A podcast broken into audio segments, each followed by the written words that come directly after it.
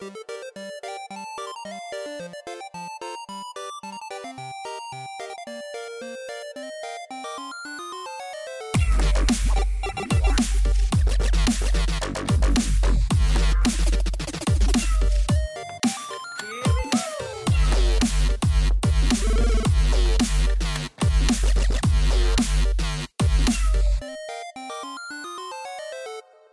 Hej och varmt välkomna till ännu ett avsnitt av eh, Medis Radio Trendigt Värre här på 95,3 Stockholm Lokalradio. Oj oj oj, nu hade vi svårt att komma igång men nu är vi här en dag. Eh, Lyssnar du live så lyssnar du som sagt på 95,3 Lyssnar du inte live så lyssnar du antagligen i valfri podcast-app. Det här är Medis Radio, programmet som handlar om all typ av möjlig kultur. Vi har haft ett litet uppehåll nu. Det har tagit en sex veckor men eh, nu är vi tillbaka. Vi har ett helt gäng här i studion. Eh, vi börjar med mig själv. Martin Lindberg heter jag som vanligt. Till, ja, en bit till höger om mig har jag Felix Eder. Hej! Kul att ha dig tillbaka. Tackar va? Och sen har vi två nya röster för den som inte har lyssnat på den gamla podcasten Din dyrbara tid vi hade en gång i tiden. Vi har Martin Hillberg. Ja, hallå. Ja, kul att ha dig här. När var, när var du här sist? Länge sedan. Jag ja, vet inte riktigt. det känns som att det var typ 2016. Ja, typ. typ. Eller kanske till och med 15. Ja, kanske till och med 15. Eh, och sen har vi Adam Henriksson, en helt ny röst. Hallå? Kul att ha dig här. Ska vi se, eh, jag hör inte mig själv alls Nej, i mina jag hör inte hörlurar. någonting heller. Och det funderar jag varför det är så. Eh, Hör ni mig i hörlurarna? Jag hörde det externa ljudet, det var allt jag Det hörde. var du också det jag hörde? Ja. Och den, Nu? där, nu jävlar, nu, nu är vi igång. Det var, jag hade råkat ta Q på externa hörlurarna. Technical difficulties. Ja precis, men nu, nu borde vi vara igång.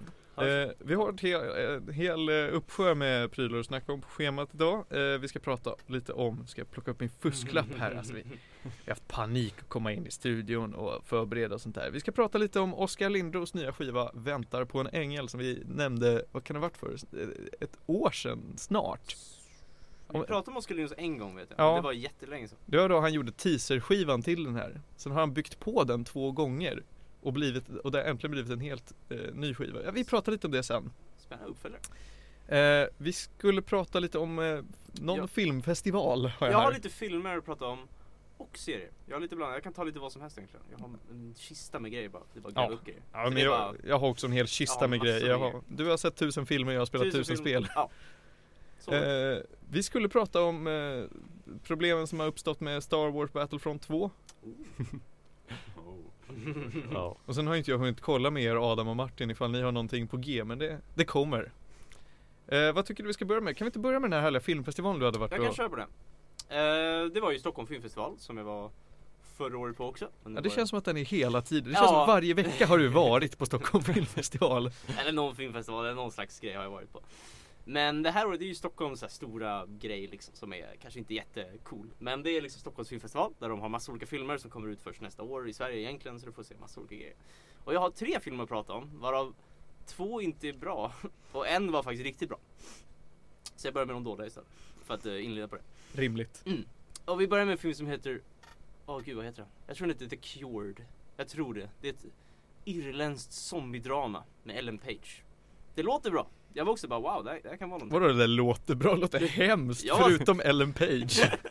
Nej jag såg det, jag bara det här, det kan vara intressant för konceptet med den här filmen Handlar om att det varit en zombie eh, Zombies har brutit ut i Irland eller någonting Jag vet inte om det är hela världen eller bara Irland Men forskare har kommit på ett läkemedel Som gör att alla zombies blir människor igen Jaha. Grejen är dock att de har sina minnen kvar från att vara zombies Åh nej. Så det liksom handlar om när de väl blir tillbaks så har de bara massa dåliga minnen om att äta folk typ. Och de var såhär både dåligt av det. Och, så. och jag bara när jag läste det, jag bara, det här låter som ett ganska intressant koncept. Det känns som att de kan bygga någonting kul från det. Det är jättetråkigt, det är sjukt tråkigt. Det handlar om en snubbe vars, vars syster är Ellen Page. Han varit en zombie, nu är inte en zombie mer. Och så är han typ ledsen över det. Och så, så filmen handlar om att han går runt och är ledsen typ. Alltså det, det, alltså det är så djupt den går. Han är ledsen för att han har dödat folk och ätit folk. Hans syster är typ besviken på honom för att han gjorde det fast han var en zombie, typ, typ det. Och så har det något barn som är med som det är synd om barnet och så är det massa för, och så är det lite förtryck mot alla som varit zombies förut för att de har ätit folk. Och så så, ah, det, är- alltså det är verkligen supergeneriskt och supertråkigt. Ja det blir inget bra alltså. Nej, nej, varenda karaktär liksom Motivationen är liksom Jag är läkare och det betyder att jag gillar att göra, lä, läka saker. Och eh, Forskaren var så här, jag måste hitta en cure För det, det är jag som är forskare. Det är liksom så djupa deras karaktärer. Ja, okej. eller det finns liksom en person som Han var förut någon slags statlig person typ och nu har han var en zombie blev han tillbaks. Och hans grej är bara att visa att zombies har ett värde ändå. Typ, så vi, vi är inte onda fast, fast vi dödar tusen personer. För vi är tillbaka och vi är schyssta och så folk kastar eldbomber på dem. Och det är liksom typ så tråkigt som det kan bli. Jag vet inte, jag bara satt där och typ somnade. Bara, bara. Det, det var verkligen jättetråkigt. Fast jag tyckte ändå att konceptet lät intressant. För det var någonting jag inte sett förut från ett zombiedrama. Hur var det med Ellen Page då? Var hon, en, var hon bra på något sätt? Ja, hon var väl den bästa skådisen men hon hade också en ganska liten roll. Hon var mest Ah, okej. sur, typ satt och så här, han hade något barn och hon fick slåss mot en zombie en gång, det var lite kul. Men, Det är eh, hon som är med i Inception. mm, Och Juno. Juno, Ja, ja, precis. precis. Ja, Hon är bra tycker jag. Men eh, hon hade väldigt lite att göra. Hon var inte hur hon liksom en sidokaraktär liksom så. Men annars, The Cured, jag skulle absolut inte rekommendera den. Jag tror inte ens den går på bio i Sverige. Det är bara en så här liten typ indiefilm från Irland. Så. Ja. Ja, jag kommer, ni, kommer nog aldrig se den då, men se den inte. Det var, det var ingenting att rekommendera. Det var väldigt tråkigt, väldigt generiskt. Det var liksom väldigt så här förutsägbart. Okej, de kommer bli arga och så kommer det hända det här. Och så här djupa i det. Liksom väldigt papperstunna karaktärer och var väldigt tråkigt skriven. Okej. Det var ingenting som verkligen, det var ingen liksom katastroffilm. Det var bara så himla tråkigt utfört. Hela filmen var bara liksom, jag vet inte, sett allting förut och det var, nej, ointressant på oss. Om man skulle göra, om jag ska försöka analysera lite arts i alla fall från en person som inte har sett filmen. Mm. Det låter som någon slags påtvingad twist om så här, veteraner från Vietnamkriget. Som måste hantera faktumet att de är hemska människor. P-. PTSD. Fast, ja, på fast sen hur bra utfört det är, det är en annan sak. Ja, men men Ellen det, Page, du kan carry det här. ja, alltså det kanske, jag tänkte faktiskt inte själv på det. Men det är mest bara för att jag typ försökte inte somna när jag såg den. Typ, för jag tyckte det var så tråkigt. Ouch. Men eh, ja, alltså typ, för det är ju mycket att de här som, ex-zombierna liksom teamar upp och försöker så här. De har så här möten och bara vi ska visa att vi alls visst är bra typ. Och det är liksom, ja. Det är typ så bra det blir liksom. Fan, för, försökte inte du käka mig förra veckan? Bara, jo, men vi är väl samma lag. Ja, men det, är- och det är mycket så här, de har flashbacks till de var zombies och så bara uh, uh, så de har flashbacks när de typ äter folk och folk är sura. Det är mycket, alltså, men jag vet inte, den är bara liksom ointressant. Jag vet inte, bara Mm. tråkig. Jag, vet, jag kan inte, det är svårt att säga mer om det, är bara ser den inte. det var väldigt bara generiskt liksom. Bara ingenting speciellt med den tycker jag. Adam, hur går det för dig med din stol? Det ser ut som att du glider omkring på den. Jag håller på att vänja mig alltså. Ah, okej, det, okej. är, det är typ som eh, när man, när man har tappat en tand som liten så liksom håller man på med tungan där uppe för att se vad som egentligen händer. Det är typ Ja, okej. jag när jag försöker vänja mig vid den här stolen. Jag försöker bara hålla samma avstånd till, till micken, Mm. annars så kommer lyssnarna bli fett ledsna. Okej. Eh, Ah, ja. Jag går vidare. ja men gör för det. den här filmen är kanske en tre eller en fyra gäddor eller någonting. Av, av fem eller av tio? tio. Ja, vad Alltså, bra. det är in... Jag tänkte tre av fem och du har sagt att den är skit. Inte rekommenderat, alltså det är liksom inte katastrof. Det är liksom skådespeleriet är okej. Det är okej filmat, det är okej zombieeffekter. Det är liksom allting är okej men det är så generiskt och oinspirerat på något sätt. Så tre av tio gäddor. Ja, så är det. Okej. The Cured. Ja, ingen av regissören heter, med, Ellen Page som en sidokaraktär. Det är de namnen jag kan. Så är du ett fel av Ellen Page och är besviken på hennes performance i Beyond Two Souls då titta inte Se- hit.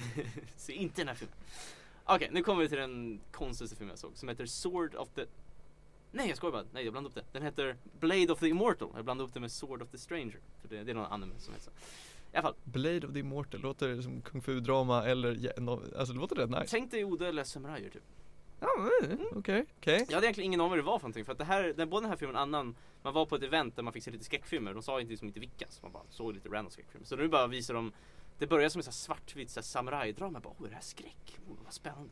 Det är, inte- det är inte skräck, det är bara, Ja. det, det var väldigt konstigt att de hade den filmen där. Men, den här filmen är väldigt speciell för den börjar liksom med en svartvit intro typ, där det är en samuraj som typ, han är någon gammal, ja. Han är väl lite äldre snubbe liksom ska hitta sin syster tror jag. Och så kommer han typ till en by där det är typ hundra män som bara håller hans syster. Och alla har varsitt svärd och de bara Och han bara tar fram sitt svärd och och, så, och sen så bara dödar. Det är som i Kill Bill, han bara går runt och slår alla. Han förlorar liksom armar och ben. Alltså han, han blir helt ihjälhackad men han bara hackar sönder alla. Och sen kommer han till sista snubben och bara hackar ner honom också. Och så vinner han. Och bara, yeah! Men hans syster dör typ precis. Så han precis, det är liksom första minuterna. Han missar det precis. Och då ligger han där och håller på att dö. Bara, och då kommer det typ en ängel eller något. Det är någon jättemystisk person som kommer i en vit kappa. Som liksom ger honom någon slags gift typ eller någonting. Det är så här, de, de har, han häller i någonting i hans mun. Och då får man se att det kryper in någonting i den. Han- Det, liksom, det var någon slags levande, det kryper under huden på dem. Och han ligger liksom precis bredvid sina armar och ben som ramlat av. Och då ser man att det är massa maskar som sticker ut från alla hans lemmar. Som liksom kryper ihop med hans andra lemmar så allting bara växer ihop igen liksom. Så det det är liksom någon slags biologisk mask. Alltså de förklarar det som att det är en mask som typ reparerar, jag vet inte, celler eller någonting. Så han bara repareras, bara sätts ihop liksom. Så allting funkar. Så han bara får lite ärr typ och så bara reser sig upp och bara hmm. Och just som det händer så bara byter filmen från att bli svartvit till att bli färg. Just när han liksom så här. Och sen bara 50 år senare. Typ. Så liksom, för nu är han odödlig för att han är gjord av maskar typ, så han går ut och så här. Ew. Ja, och det är liksom intro till filmen. Filmen i sig handlar om att det är någon flicka vars föräldrar blir mördade av någon sån här ond liga med onda samurajer typ. Det var väldigt vagt vad det var för någonting. Och hon går till honom för att han är någon sån här random snubbe som alla tror är jättestark och han, han är bara någon Ingen vet vad man är liksom. Han är som Old Man Kenobi bor någonstans bara. Och de, hon går till honom bara, kan du hjälpa mig? Och han bara, nej jag, jag vill inte hjälpa dig. Typ så. Hon så, okej. Och så, så, och så går, ja. Wow, vilken scen. Vill du hjälpa mig? Nej. Nej. Fine. Han är bara grumpy och vill ingenting. Och det roliga med den här filmen är att den är så sjukt, det är som en, lite som en Tarantino-film, den är så sjukt överdriven på väldigt ganska roliga sätt. För att hon går iväg och, liksom, och han bara lämnar henne. Och så liksom tänker bara, nej jag ska inte hjälpa henne. Jag, har- jag har ingenting att leva för typ. Eller någonting. Och så kommer den och så möter hon en snubbe som har liksom som tre huvuden. Det är liksom ett stort huvud, han är en jättestor snubbe i rustning. och så har han ett huvud på axlarna, varsitt. Och så visar det sig att det är hennes föräldrars huvuden. För det är han som hade mördat hennes föräldrar. Och han är någon så här, det han ser ut som en boss i typ ett Dark Souls. Alltså han är en helt brutalt stor man med två huvuden extra som hänger. De är liksom döda, han har bara fäst dem på axlarna. Vad är det som händer? Vad är det här för film? Det är väldigt kul. Och sen så hon bara "Åh!" Och så han bara kommer svärd och då kommer den här gamla gubben!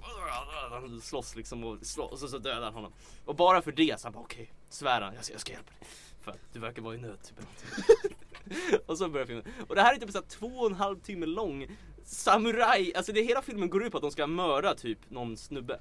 Och filmen handlar om att de bara går från by till by. Och så Och möter de någon, ja, men, ja precis, så möter de någon ny snubbe som är ond och så bara dödar de honom. Och det roliga med den här filmen är att de gör det på ganska unika sätt. Typ såhär en av grejerna är att de går in liksom i, typ de går med en bar eller någonting, sätter de sig ner där och så bara vad går vi nu? Och han bara nej, idag, idag tar vi det lugnt. Så, så sitter de bara i den här baren och väntar och lilla flickan bara ah, okej då. Så kommer det sen en munk med liksom, som är med en korg upp och ner på huvudet. Och bara går in liksom. Alltså som, i en, som man ser i Skyrim liksom. Sätter Ja, en korg upp och precis. ner. Han bara går in. Och så är han är blind, han är såhär vis munk. Han bara tar av sig den bara. Så ställer han ner den. Och han bara Åh. Och den här äldre mannen bara blir såhär jättemystisk. bara mm. Och då bara på sig svärd bara hugger av hans arm eller någonting bara mitt där. Och det visar att den här snubben också är en sån här maskmänniska. Så hans arm bara växer ihop.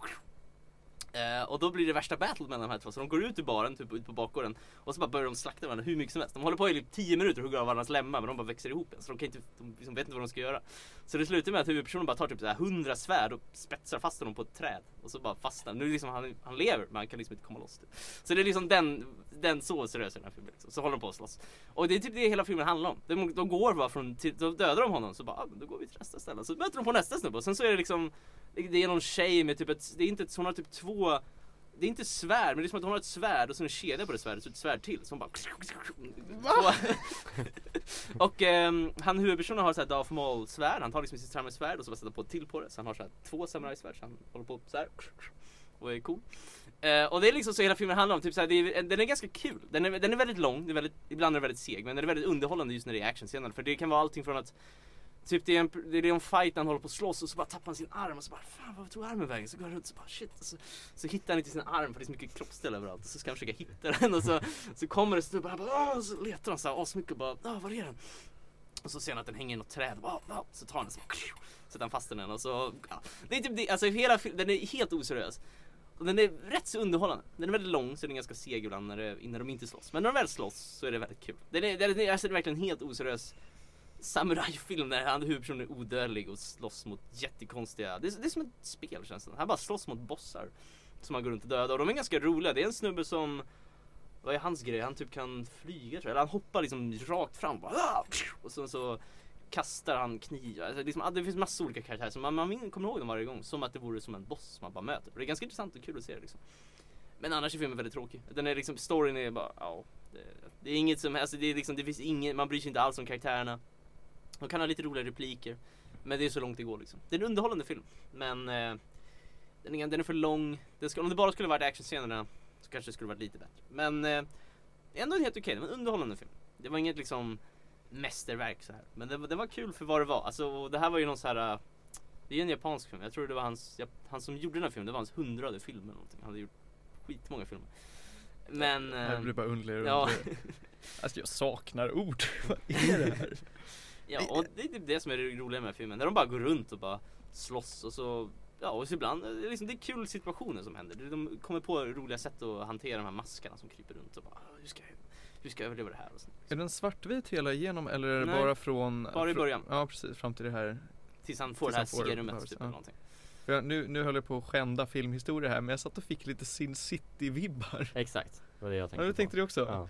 Ja det är ju väldigt blodigt, brutalt, väldigt här, stilistiskt på det sättet kan man väl säga. Ja, Men men- ja, men det här med människor som, som är lite super men inte allt för super Mm. förutom då, ja, visst maskmänniskor. Men det är hu- huggslämmar till höger och vänster men Mm. ingen riktigt dör förrän det är förrän det är sin absoluta spets Mm, liksom. Ja, så jag tänkte ganska mycket på Kill Bill för det är också där. Ja, jo, jo men absolut Kill Bill. Alltså det blir ju mer det nu när man lägger på konceptet färg. Ja, Och sen är ju, ja jag vet inte om jag tycker att Kill Bill är en så snygg film på, på samma sätt som Sin City är en Nej. snygg film. absolut. Hur är den här? Är den här visuellt häftig? Så rent i hur de utfört actionscener är väldigt snyggt. Men Ja. liksom cinematografin, det är ingenting jag liksom bara wow vilka, vilka bra bilder de har tagit. Det är inget, klipp, Åh, det där, vilka panoreringar! Ja, oh, det här fick de till. Nej men det är inget sånt jag verkligen märkt att oh, det där det var snyggt. Men jag tycker ändå att det var en, det var en fin film. Och det är liksom, den är väldigt kul, det är väldigt, slutet är helt sjukt. De har 100 miljarder personer som slåss mot varandra. Det är liksom, det är väldigt kul. De förstår att de försöker bara göra roliga fighting situationer. Och det lyckas de med. Den är kul. Men den är jättelång och den är, ja. Det kanske är en sexa kanske. Jag, vet, jag tror inte det är sånt jag skulle vilja se om. Om ni är verkligen sugna på lite överdriven samurai action så kan jag säga att ni kan se den här och sen så i konversationerna kan ni typ läsa en bok eller någonting eller något annat. För den är, den är ganska tråkig annars. Men just i de här scenerna så är den kul. För att den är så himla överdriven. De håller på att slåss och flyger och kastar pilar och de flyger och de liksom har Herregud vad det händer grejer. Alltså de kastar grejer, de studsar i väggen och de har liksom svärd. Alltså de har liksom kommit väldigt kreativa med det. För jag har aldrig sett något liknande. Men det är typ det filmen har som är speciellt med den. Annars är den jättetråkig. Storyn är jätteseg och det händer egentligen ingenting i den. Vill du ge den några gäddor? Sexa. Sex gäddor? Mm. Ja men det är... Alltså, jag, är liksom, jag är glad att jag såg den. Jag skulle inte skulle vilja se om den. Nej. Jag kanske sett någon sån fighting-klipp på youtube bara. Det känns som att det räcker för mig.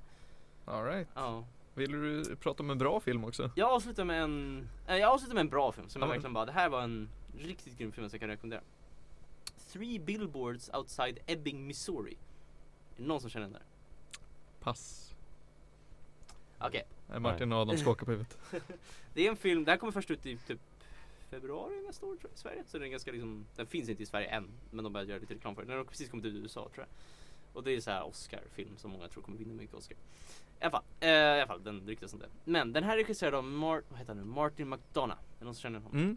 Ja det kommer jag Han ihåg. som gjorde In Bruges och eh, Seven Psychopaths. Mm, Seven Psychopaths känner jag igen. In Bruges är ännu bättre om du inte har sett den. Nej det har jag inte gjort. Den är riktigt grym. I vilket fall, han är ju ganska känd. Han gör lite så här äh, mörka komedier. Han gör lite Coen Brothers film på något sätt. Liksom. Han är ju väldigt, de är väldigt så här, ganska seriösa men ändå lite komiska och väldigt mörka. Och den här filmen handlar om en, det utspelar sig i en liten småstad i, ja Missouri då förmodligen. Eh, det är en ganska liten stad där Francis McDormand som är polisen som är gravid från Fargo. Filmen, om någon har sett Fargo. Inte sett folk. Annars känner inte jag Den den är från någonstans. awesome. Har du inte sett den? Vad sa du? Den är, äger ju. Ja, den påminner ganska mycket om den här filmen också. Det är verkligen så här, samma mörk komedi. Jag vet inte ens vad Fargo är. Jag tänker bara på Argo. Nej. det är en helt annan film. Fargo är ju den här äh, polisen som pratar svenska nästan. Alltså de bara hello. Eller de pratar ju så här jätteroligt. De har ju så här, Stormare strimlar en snubbe i en woodchipper. ja, den är, det är väldigt underlig. Typ så här, det handlar om en person som kidnappar sin fru för försäkringspengar. Och, men det är en väldigt mörk komedi. Men väldigt kul. Det är en Coen Brothers film. Jag får bli skämshög då. Kolla på den, den är bra. Ja. Det finns ju en serie också som är bra. Men nu ska vi inte prata om Fargo. Um, den här filmen handlar om att Francie McDormand är någon så här äh, ensamstående så här, mamma som bor i stan. Hon är ganska bitter typ, och sur hela tiden. Och ehm, det hon har är att hennes dotter hade blivit kidnappad typ tror sex månader sedan eller någonting. Våldtagen och mördad.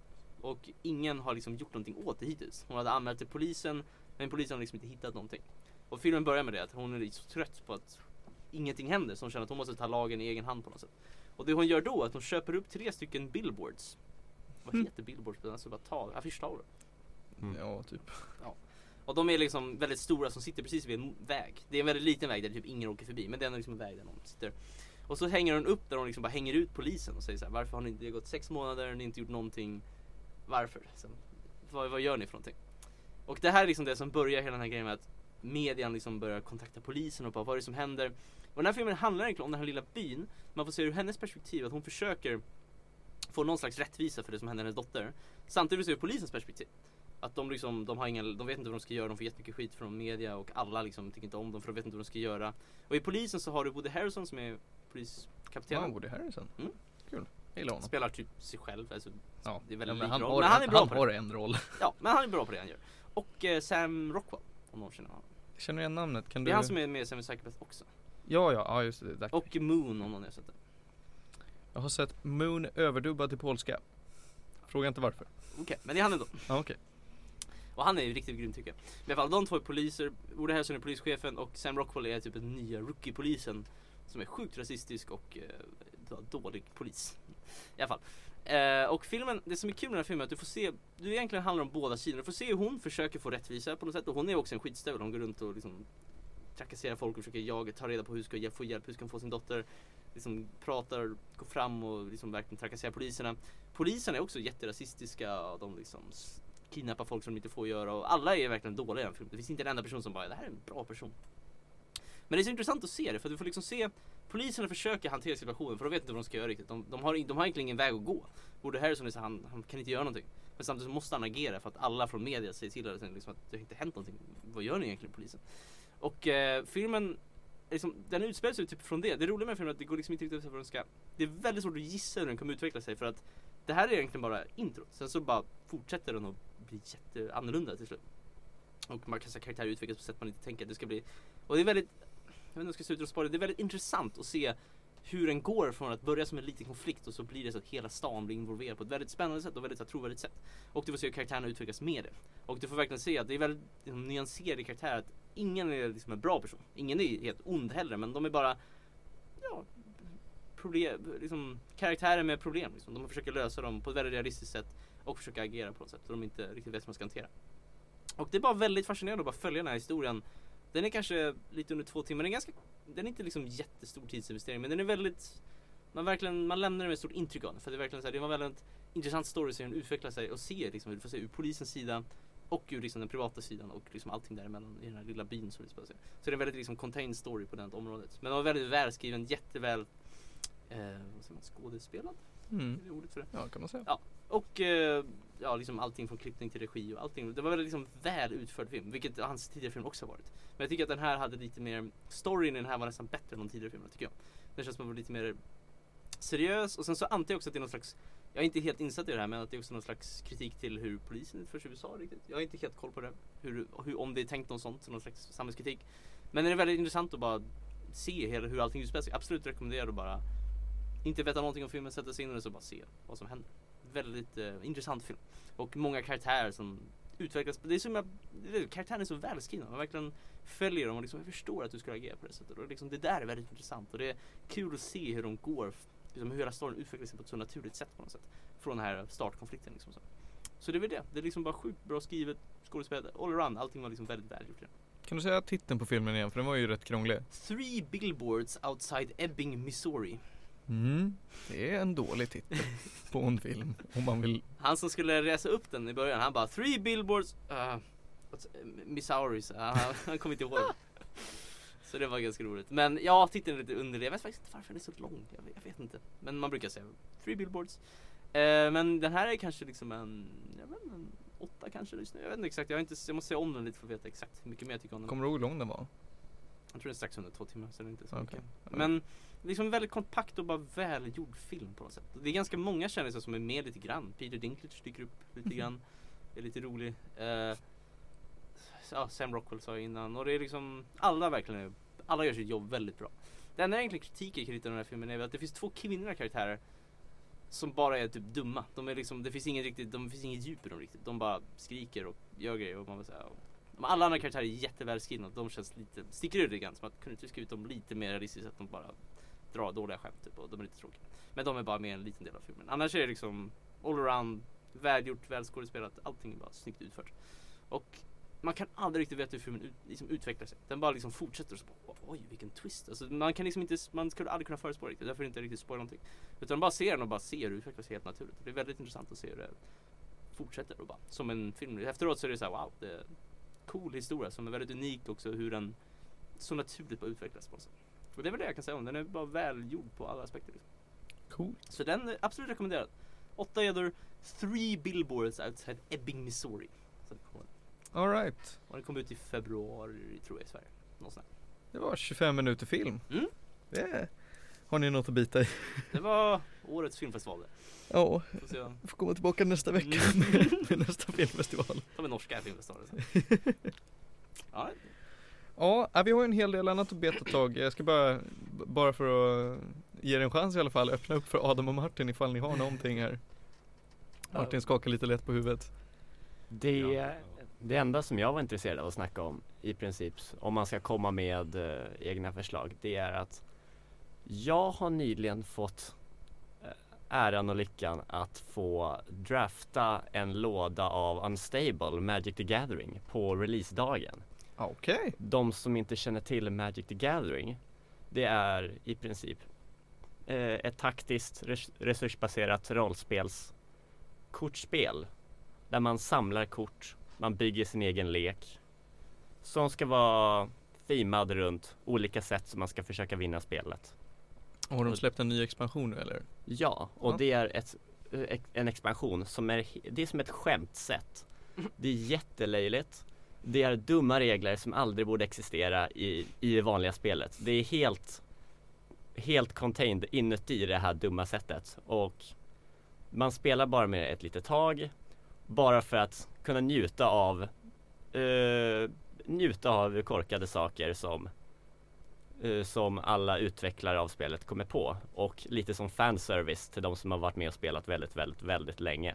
så det är dumt, alltså inte i sin design utan det är menat att vara dumt alltså. Precis. Okej. Det är, det är som en eh, det är som en eh, teaterslask för Magic the Gathering. Där Ah. folk, de som kommer på de alla konstiga idéer som folk kommer på genom åren, bara ja, de sätter vi i vårt skämtsätt senare i slutet på året. Mm.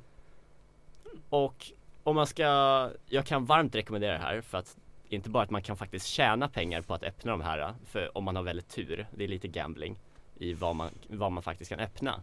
Vissa saker är värda extremt mycket pengar, vissa av är värda ingenting, men huvudattraktionen är definitivt bara att få spela det här med sina vänner. Och om man ska ge lite försmak på vad faktiskt det finns för någonting. Tänk om man det finns saker som till exempel eh, man spelar resurser, man spelar creatures som slåss mot varandra, man spelar olika eh, trollformler för att kunna påverka spelet tillfälligt. Och sen så finns det, väl, finns det väldigt många konstiga regler till det. Som till exempel att eh, typ för tre mana, det är väldigt lite, så kan man få en väldigt, väldigt stor creature. Men om när du lägger ut den, då måste du sätta huvudet på bordet. Och om du lyfter huvudet på bordet så dör creaturen. Basically att rest, så länge den är på brädet så måste du ha huvudet på bordet när du spelar. Nu är jag med på hur dumt det här var. Ja, eller typ betala mycket mana så kan du, så, så kör en liten, eh, så kör en liten minitävling och den som vinner minitävlingen får ett stort övertag. Och minitävlingen är att du tar, du, du tar dina kort och sen så börjar du spela ett litet spel av Magic under bordet samtidigt som du börjar spela det vanliga spelet.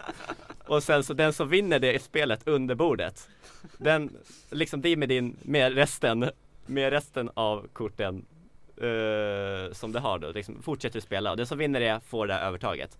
Men sen så kan, om man har flera av den här kopior, då kan man spela det igen. Och då måste man ju ha ett spel under bordet, under bordet.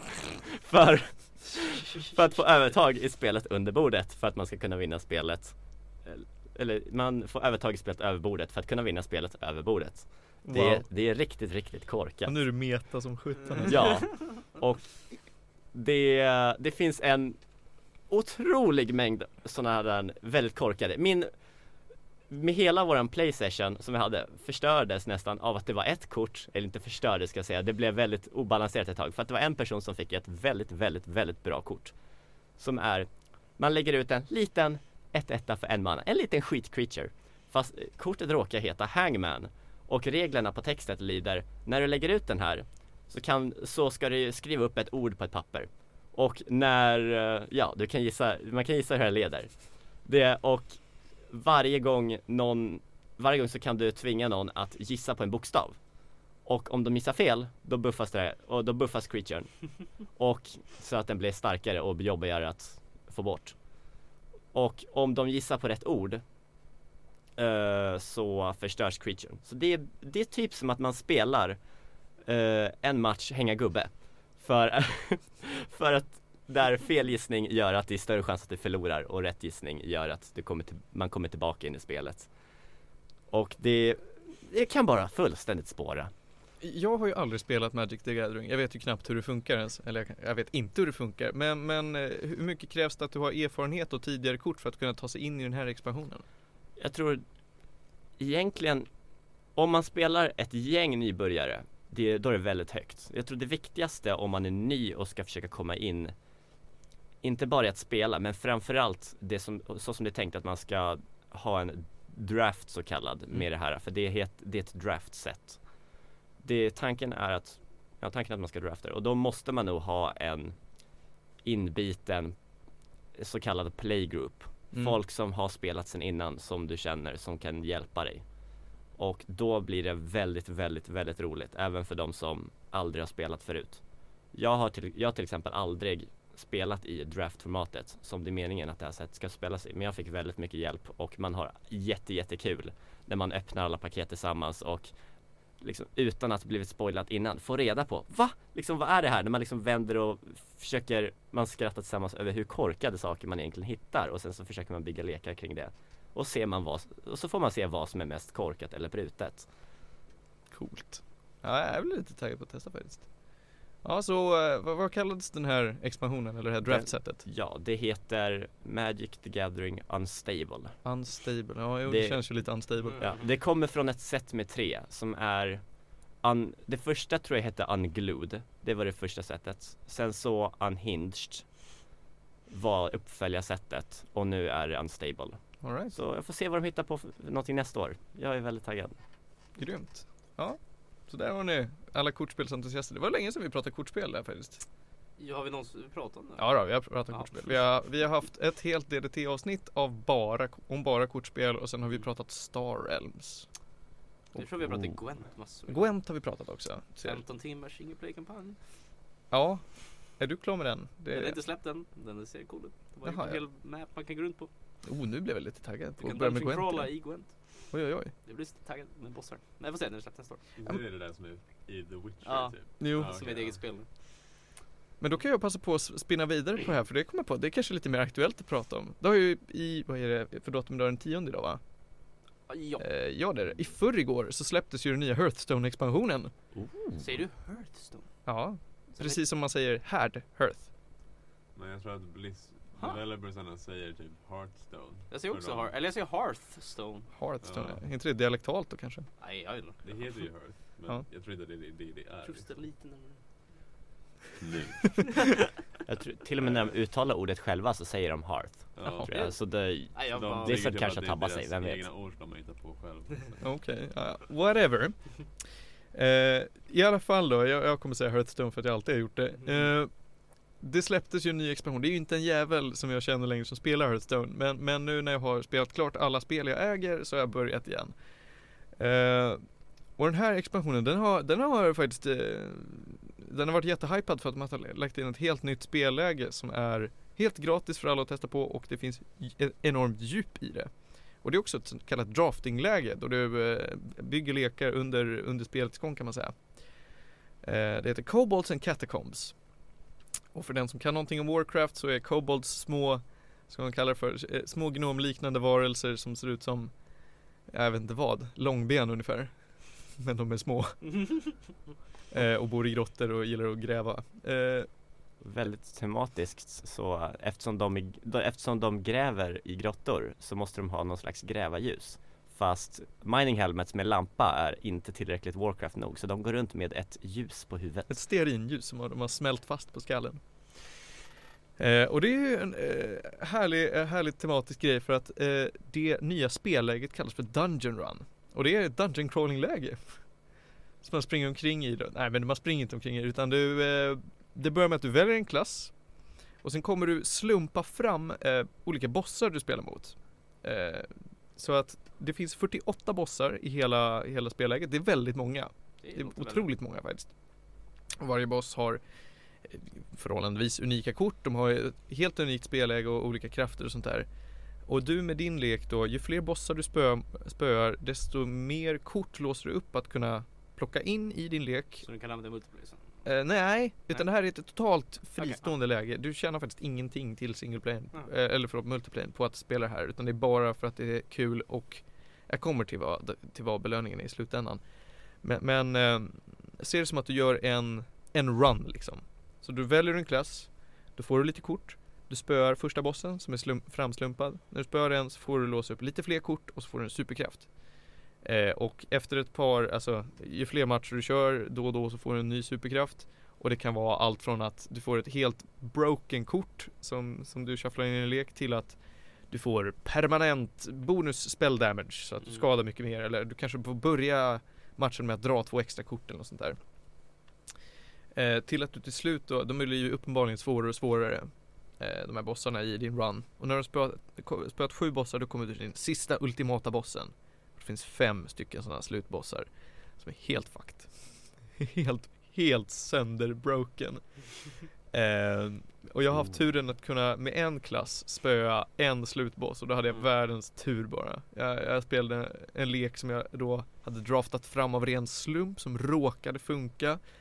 Och det tog mig kanske, vad kan det ha varit, 35 minuter eller någonting att spöa den här bossen. Och det är väldigt långt från en Hearthstone-match. Jag har aldrig kört, jag har kört lite men jag har inte kört mycket av Hearthstone. Är det är liksom single player, är den lik multiplayer? Eller det, är samma alltså, spel ja, men liksom är det massa unika grejer eller? Ja, det är massor unika grejer. Ja. Främst så är det att, eh, att de har andra hero powers. För den som inte har koll på hur hero powers funkar så är det så att förutom korten du har i din lek så är varje klass du spelar har en egen unik förmåga som kan användas en gång per omgång. Eh, men alla de här bossarna har helt andra hero Mm. powers då. De kan göra he- helt andra grejer. Det kan vara allt från att alla dina alla dina minions får extra hälsa när de spelas eller som den sista slutbossen jag fick spö mot då. Varje, slutet, I slutet av varje omgång så får du en random beam på handen och beams kan ja, ha helt, helt sönderpajade effekter som att ta, sno alla din motståndares eh, minions eller eh, eh, vad kan det annars vara för någonting? Eh, skicka tillbaka alla din motståndares minions till handen eller alla din motståndares kort kostar sju eller något sånt där. Eh, så det, det är helt pajade effekter men eh, ja, det, det handlar mycket om att du ska bygga en lek som du känner passar för dig och sen så ska du ha lite tur. Så du kommer antagligen behöva lägga en hel del tid på det här. Och det är jätteroligt för att man vet aldrig riktigt vart man hamnar någonstans. Alltså det, eftersom att det finns då 48 olika bossar så kommer du kunna spela ett tag och helt plötsligt bara oj, här är en boss jag aldrig har sett förut. Undrar hur jag ska spöa på den. Kommer jag kunna göra det med den här typen av lek? Kanske inte. Vi testar att göra det här liksom. Mm. Eh, och du behöver inte köpa några kort från början utan alla de här korten du draftar in de bara dyker upp. Du får, du får dem i olika, vad ska vi kalla det för? Eh, buckets kallas det på engelska för, så jag kallar det för hinkar bara för att. Eh, när du väljer kort så kommer du då i hinkar om tre kort i taget tror jag. Så får du välja ett hink på ett tema. Och de här temana är ju helt slumpvalda så att vi säger att du har spöat första bossen och du, alla, alla korten du börjar med liksom, det, är, det är alltid samma. Men då får du välja vilket håll du ska röra din lek mot. Vill du gå mot legendariska kort? Vill du gå mot eh, att vara mer defensiv? Vill du gå mot eh, att spela med just den här typen av, av minions? Jag vet inte. Det var jag välja själv och så får man se vad som händer. Så att det finns ju ett enormt återspelningsvärde i det här för att du alltid kan bygga nya lekar, testa nya bossar, testa spöa bossar på nya sätt. Ehm, och så finns det ju då slutklämmen eh, som är då belöningen för att göra allt det här. Vad får du ut av att spela det här läget förutom att det är kul och man spelar spel liksom? Jo, eh, knappt ett skit.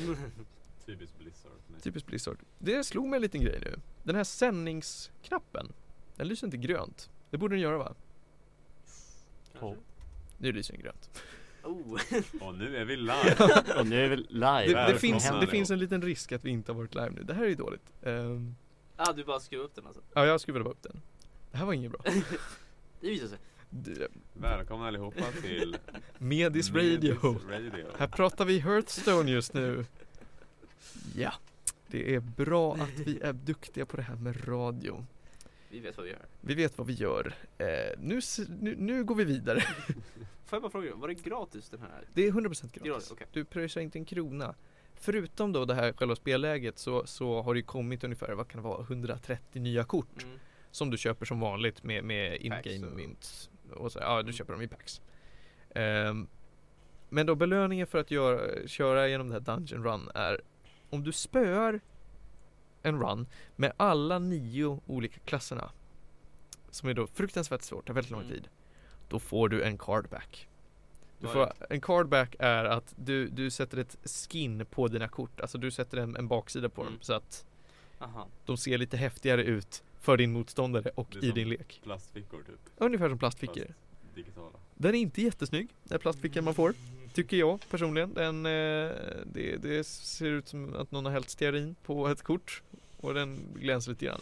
Jag har sett bättre. Eh, men eh, det- man får en liten fin eh, krona ovanför sin hjälte när man har spöat eh, en Dungeon Run. Så det är lite kul, I guess, för den som bryr sig om det. Jag tror man gör det för upplevelsen. Jag tror man gör det mycket för upplevelsen. Det Jag, låter lite som, jag tänker på Starcraft-kampanjerna liksom. De är väl helt fristående från multiplayer egentligen men man bara gör det. för att Det, det är lite relaterat men det är väldigt annorlunda ändå. Liksom. Mm. Det är bara Ja, sidogrejer liksom. Ja absolut, det tycker jag. Ja, Det jag, jag är alltså jättenöjd med den so far. Jag, de har bara varit ute i två dagar. Men jag har Mm. spelat hur mycket som helst och sitter och bara åh, upptäcker nya grejer hela Mm. tiden. Vad mycket, mycket värde det ligger i det här. Jag kan faktiskt dra en parallell för, ta igen upp det, men Gwent har också sådana grejer ibland, så single player events som de har typ under vad hade de för några veckor sedan så hade de någon så här uh, Mahakam Ale Storm eller någonting och då fick du Då fanns det också som att i en story att du mötte massa dvärgar som skulle super under bordet i form av en Gwent-match. Och dina kort var bara liksom dvärg, dvärgar och öl och så skulle du liksom lägga ut dem och kombinera. Så om du la liksom en öl på samma rad så blev alla dvärgar buffade för de blev fulla typ och sådana grejer liksom. Och du kunde poisona öl och sådana grejer. Det liksom var också väldigt unikt. Det var bara helt single player. Men det var också liksom unikt för att bara testa på spelet lite grann. Det, var, det fanns inget. Sen så tog de bort det bara som ett event liksom. Så. Okej, Det var också helt gratis. Man kunde bara leka lite grann. Och så. härligt. Det var kul.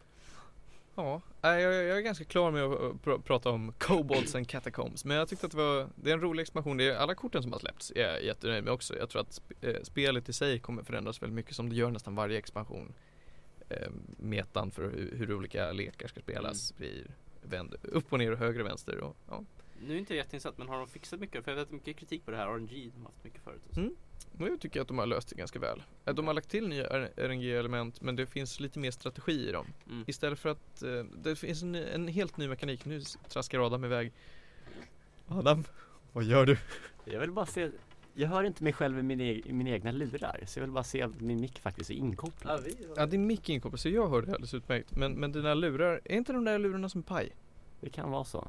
Hör du inte någonting i någon av Jag, hör, jag hörde dig ett tag. Jo jag hör dig. Hallå? Jo jag hör dig. Okej då. Hör du men, du mig hör, också? Jo jag hör dig också. men du hör inte dig själv? Exakt. Det här är jätteunderligt. Har vi stängt av medhörningen kanske? Ah. Jag vet inte ens hur man gör det. Det är bra att vi kan radio. Eh, det är väldigt synd om dig Adam, men du får klara det I guess. Ja. Men du låter väldigt bra som det är just nu i Vi alla hör fall. det. Tack så mycket. Eh, vad, vad var det jag skulle avsluta med? Jag tappade tråden helt. Hearthstone, eh, Ja, kort, RNG. RNG. De har ju lagt till en ny mekanik, eller kanske flera, men jag ko- kommer på på rak Minst arm en. nu. Minst en mekanik som de kallar för recruit. Ehm, och det är att du, eh, om du rekryterar ett minion, som man, man gör då, för att du kan inte rekrytera en spel, det hade varit konstigt. Eh, så, så drar du en minion i- från din lek ut på brädet. Och så finns det kort som rekryterar specifika minions, liksom. minions som kostar 4, minions som kostar 10. Så att RNG-elementet blir att du har strukturerat upp en lek så att du vet ju vilka kort du kan rekrytera Ah. istället för att du får ett lite på random. Mm. Så att det finns ett RNG-element men det är mer kontrollerbart. Så Genom det är ju- att du bygger ditt däck. Genom att du strukturerar upp det själv. Du väljer ramarna för det. Mm. Och det är väl bra, tycker jag. Det Ja. låter väl som rimlig RNG? Ja, det gör det. Det är lite som den här, äh, typ att man ska discovera creatures. Mm. Det, man, man kan discovera till exempel ett kort med tant. Då är det liksom, det, det värsta som kan hända det är att man får ett dåligt kort med tant. Om, eftersom man vill ha tant creatures, då är det ju inte så mycket RNG egentligen. Nej precis, ja, men det, var- det, det är en av de förra mekanikerna från någon expansion sen att Discover är som recruit fast du drar inte från leken så därför kan du få vilket minion som helst. Men du får ofta vilk- eh, lite ramar som du säger här. Mm. Du får Discover a minion with någonting. Och jag tycker det här känns, ja men det, det känns bra liksom. Jag, jag är nöjd med, med korten som har släppts. Det Det är är värt att gå tillbaka för det. jag tycker det är värt, alltså för vem som helst så tycker jag det är värt att gå in för Dungeon Run. Det tycker jag. Inte för att börja sätta sig in i multiplayer igen, utan bara för att testa på Dungeon Run och se hur kul det är. man lär sig av att spela liksom. Jag kan inte påstå att jag är någon expert efter två dagar utan det, jag bara testar på grejer, ser vad som funkar. Och så har de en skön mix mellan nya och gamla kort. De introducerar nya expansioner mycket i Dungeon Run men de har också med lite gamla kort. Så att för den som inte har testat Hearthstone överhuvudtaget så är det ju här helt gratis så det kan man ju göra. Jag tycker att för, för multiplayer så är det lite sent att hoppa in i Hearthstone för att man just är inte med i svängarna. Det har släppts otroligt många expansioner, du kommer ligga efter i kort så in i bomben. Mm. Men här när du får allting serverat, då funkar det. Mm. Så att var, för den som är, är bara tycker det låter kul och är nybörjare, funkar alldeles utmärkt. För den som inte har varit med på någon expansion men är kanske sugen på att komma tillbaka, värt att testa det. För den som är inbiten, absolut värt att testa det. Så att det är, det är ju stabilt. En bra expansion. Heja! All right. Eh, vi har en kvart kvar. Jag tänkte vi kan väl ta och snacka lite om den här Oskar Lindros-plattan va, innan vi tar och går på paus. För då ska vi nämligen spela lite av den plattan. Mm. Eh, för, för, vad blir det? 8-9 avsnitt sen. Det var, det var väldigt länge sedan. Det var väl fortfarande var på Kotova eller? Ja, det var det. När vi Det satt var och ett tag sedan. Ja, det var otroligt länge sedan. När vi inte hade den här studion Då så pratade jag om eh, en liten miniplatta En EP jag kanske ska kalla det för Som Oskar Lindros hade släppt som heter Väntar eh, Och den bara dök upp i mitt flöde då jag sa oj, jag visste inte att det skulle släppas något sånt här Oj vad, vad spännande Och det låg fyra låtar på den varav jag tyckte alla var, var riktigt bra Så eh, då snackade vi lite om den och jag sa ja men vi får se vad vi har att vänta Kanske en ett halvår senare så, så eh, skulle jag lyssna på den här skivan och då märkte jag att den har ju bytts ut. Nu heter den inte längre Vänta, nu heter den Väntar på en. Mm. Oj, Väntar på en. Vad är det här? Och så hade det kommit till två nya låtar Åh. som var helt okej. En tre av fem något för alla. Så jag tyckte inte det var värt att ta upp här. Jag, jag kunde nämnt det men det, jag kom aldrig för att säga att by the way, den här plattan den, den byttes ut. Fan vad konstigt. Och nu är den äntligen klar. Nu i november tror jag det var. eh, Så, så släpptes den slutgiltiga versionen Väntar på en ängel. Eh, Då de slängde på kanske fyra låtar ytterligare. Så att, vad kan den ha nu? Tio låtar ungefär? Plus minus. Jag räknar in 12 Du räknar in 12? Ja. Ja men då är det 12 Jag tvivlar inte på dina räknekunskaper. Det, jag, jag, jag drog Snälla lita inte på dem. Ah, Okej då, jag drog en siffra ur stjärten. Men, eh, men 12 låtar alltså. Eh, Och det, jag tycker den är helt fantastisk. Många av de här nya låtarna är, är så här, men jag skulle säga är, Top tier låt Väldigt välskrivna, otroligt härliga melodier. Eh, Det finns en låt på hela skivan som jag tycker är rent av dålig Men eh, jag tycker det, det kompenseras upp all, all, alldeles utmärkt av eh, de andra låtarna. Skulle du vilja peka ut vilken? Som jag tyckte var dålig? Ja, Wi-Fi. Okej. Den tyckte jag var dålig. Jag tror inte jag, jag tror inte jag hann komma dit. Nej. jag, jag tror jag lyssnade igenom halva plattan och hitt, man hittar seriöst ingenting som värt att klaga över. Nej. Det var väldigt, väldigt, väldigt bra. Väl, väl, välskrivet. Ja, Det är ju en smaksak naturligtvis. Gillar man Oskar Lindros så gör man det. Gillar man det inte så gör man det inte. Men man kan ändå uppskatta att det är, det är bra jobbat liksom Man, man ser att det är, det är snygg musik eh, Och i samma veva så, så eh, kollade jag upp där Då hade jag hittat lite Jag ska inte kalla det för intervjuer men eh, Små spår där, där Oskar pratar om sina låtar Eh, och då visar det sig att det här har jag ju skrivit på ingen tid alls. Jag, jag, jag har alltid tyckt att det är svårt att skriva musik. Jag är väldigt okreativ men jag kan skriva låttexter ganska bra. Men, men eh, många av de här låtarna, särskilt eh, jag, tänker just nu på den avslutande låten på hela skivan som heter, vad heter den nu? Ängladamm heter den. Eh, och det är en otroligt vacker låt. Tycker jag är, är superfin och sådär. Och så när jag lyssnar på när han pratar om den så bara, ja men jag skrev den på tre timmar. Va? Ja, jag, jag tänkte lite, jag, jag började med, med första raden. Min pappa släppte alltid av mig framför mammas port och sen, sen vart det klart. Då sitter du där och bara varför? Ja, Varför inte jag? varför kan det inte gå så snabbt för mig att skriva sådana här melodier och såna här låtar? Vad är det som händer? Ja, jag ville att den skulle handla om knark. Så, så jag hittade, jag tyckte den här knarket Angel Dust lät vackert. Jag har inte tagit det här, det här, den här drogen, jag har inga planer på att göra det heller men, men jag ville döpa en låt efter den så då fick det heta det. Jaha?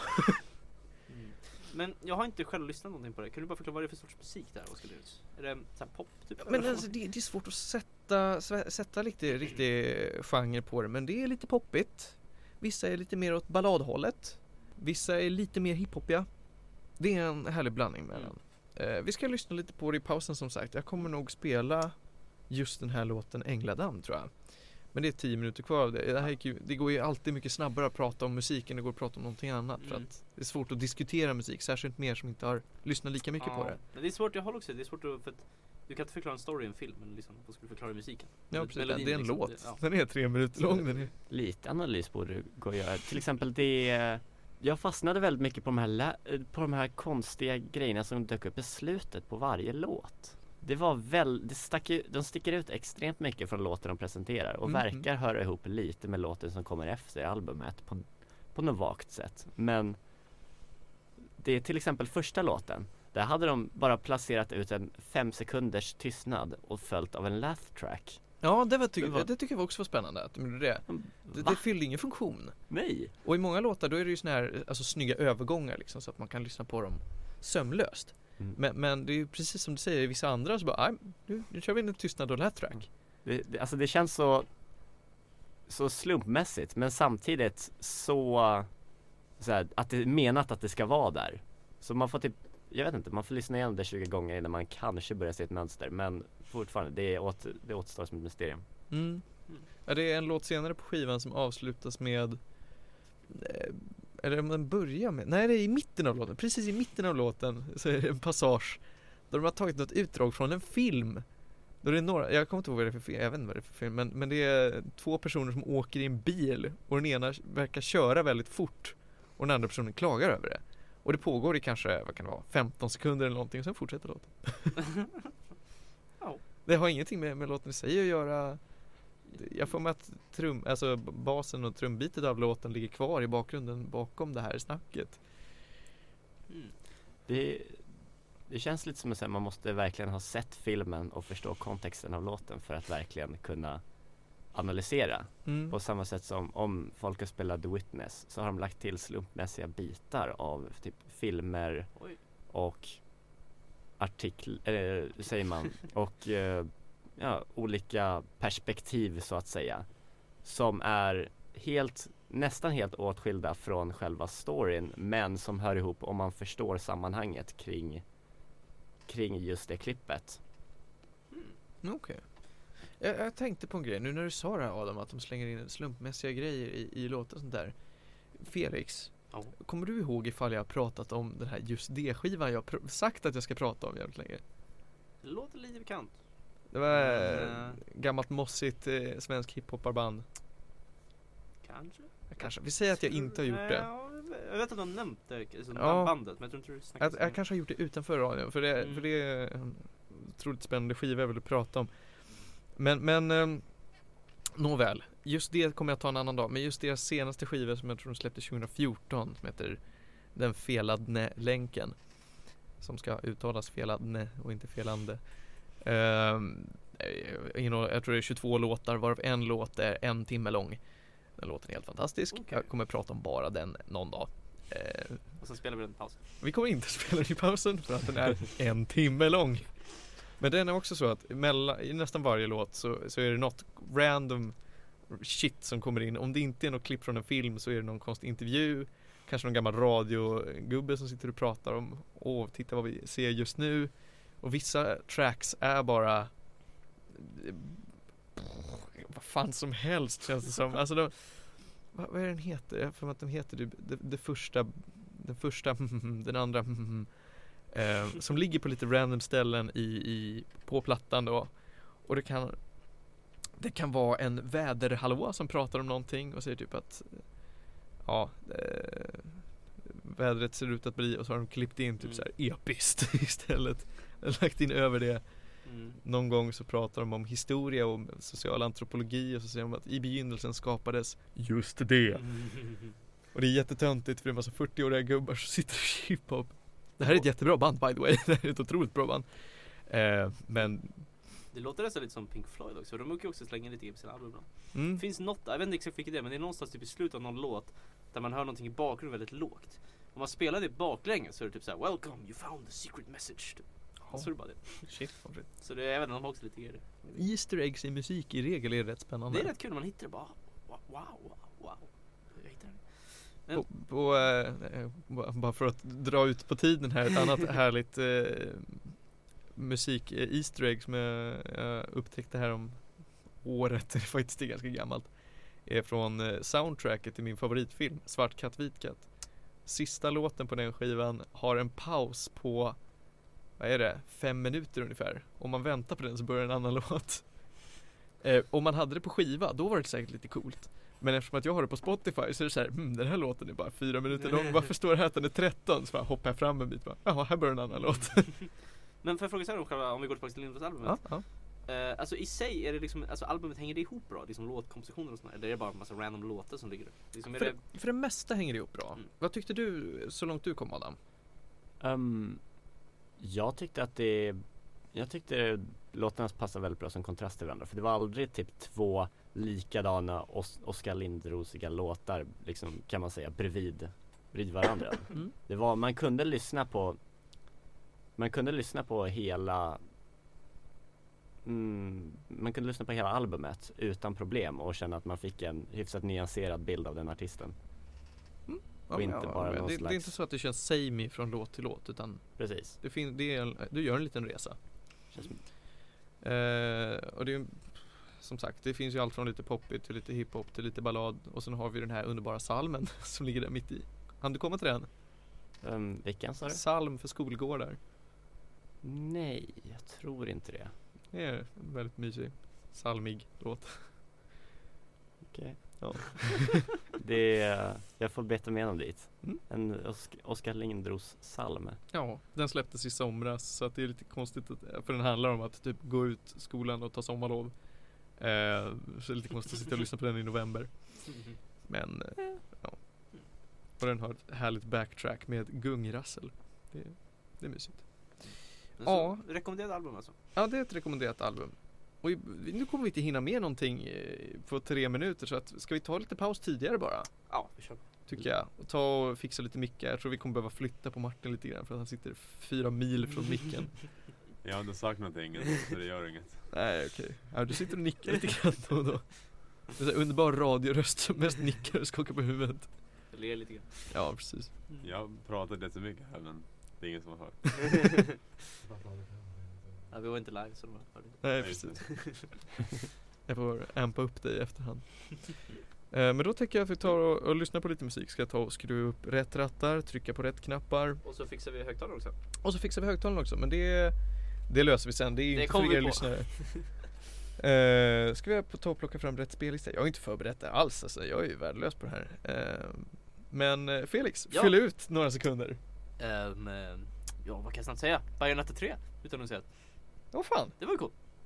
Exklusivt i Switch. Alright, nu jävlar, nu är vi igång. Eh, det blev inte Ängladam, det blev eh, introlåten till skivan som just heter, precis som skivan själv, Väntar på en ängel. Ja. Så eh, här kommer den, Oskar Lindros. Ser en serie för att somna Hör en låt om att vara kär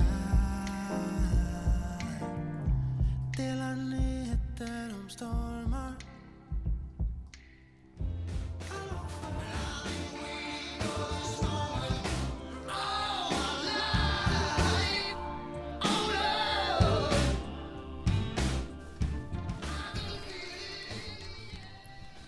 Så där, då var vi tillbaka. Det där var Phil Collins med eh, In the air tonight, världens längsta låt eller på att säga. Vi är tillbaka här på 95,3 Stockholm lokalradio. Du lyssnar på Medis Radio, trendigt värre. Vi ska prata lite mer om all möjlig kultur. Det kommer bli lite mer film nu, timme två. Kommer det bli lite spel.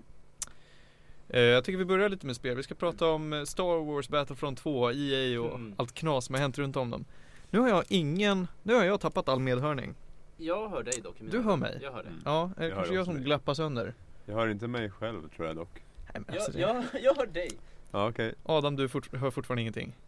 Nej, jag går commando. Ja, ah, okej men då, då Alltså, ingen... Det, ja. Jag skiter i inte mina hörlurar i sådana fall också Hallå, hallå, hallå, hallå. Nej vi ska inte ljudtesta nu, det, det vill inte lyssnarna Nej. höra på Men eh, som ni mycket väl vet om ni har följt någon typ av spelrelaterat media så har ni märkt att folk är väldigt arga på EA just nu. Electronic Arts har gjort det igen. De har skitit i det blå skåpet och fuckat upp Star Wars Battlefront 2. Jag tyckte det var nog med att jag, jag var inget jättefan av eh, Star Wars Battlefront ja, 3 kan jag inte kalla det för men, men rebooten, revampen av Star Wars Battlefront-serien. Ja, inte förra men typ två, två tre år sedan. Eh, det var ganska oinspirerande, var rätt trist. Men nu tänkte de att okej, nu, gör vi det- nu gör vi det nytt, nu gör vi det fräscht.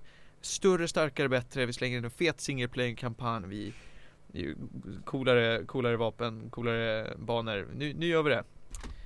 And they done goofed. Eh, de har ju slängt in, pr- problemet är att visst, du, du får spelet men servrarna är just nu jättepaj. Spelet kostar 500 000 kronor och du får ingenting för det. För att allt in-game content, nej men mycket, väldigt mycket in-game content är låst bakom så kallade lootbox betalväggar. Och lootboxes, det kan du ju köpa med in-game currency. Men det tjänar du väldigt, väldigt långsamt i det här spelet. Mm. Så att de uppmuntrar ju till att du använder riktiga pengar. Så det räcker ju inte med att du har pröjsat liksom din, ja, hela din årsbesparing åt ditt förstfödda barn för att kunna spela det här spelet. Nu måste du pröjsa Mer. resten. Kan du definiera vad en lootbox är? För alla som inte vet det. Jo, men en lootbox i sig är ju eh, en, en eh, liten låda du köper i spelet då som innehåller ett par olika prylar som är antagligen cosmetic eller här tror jag inte att de är cosmetic faktiskt.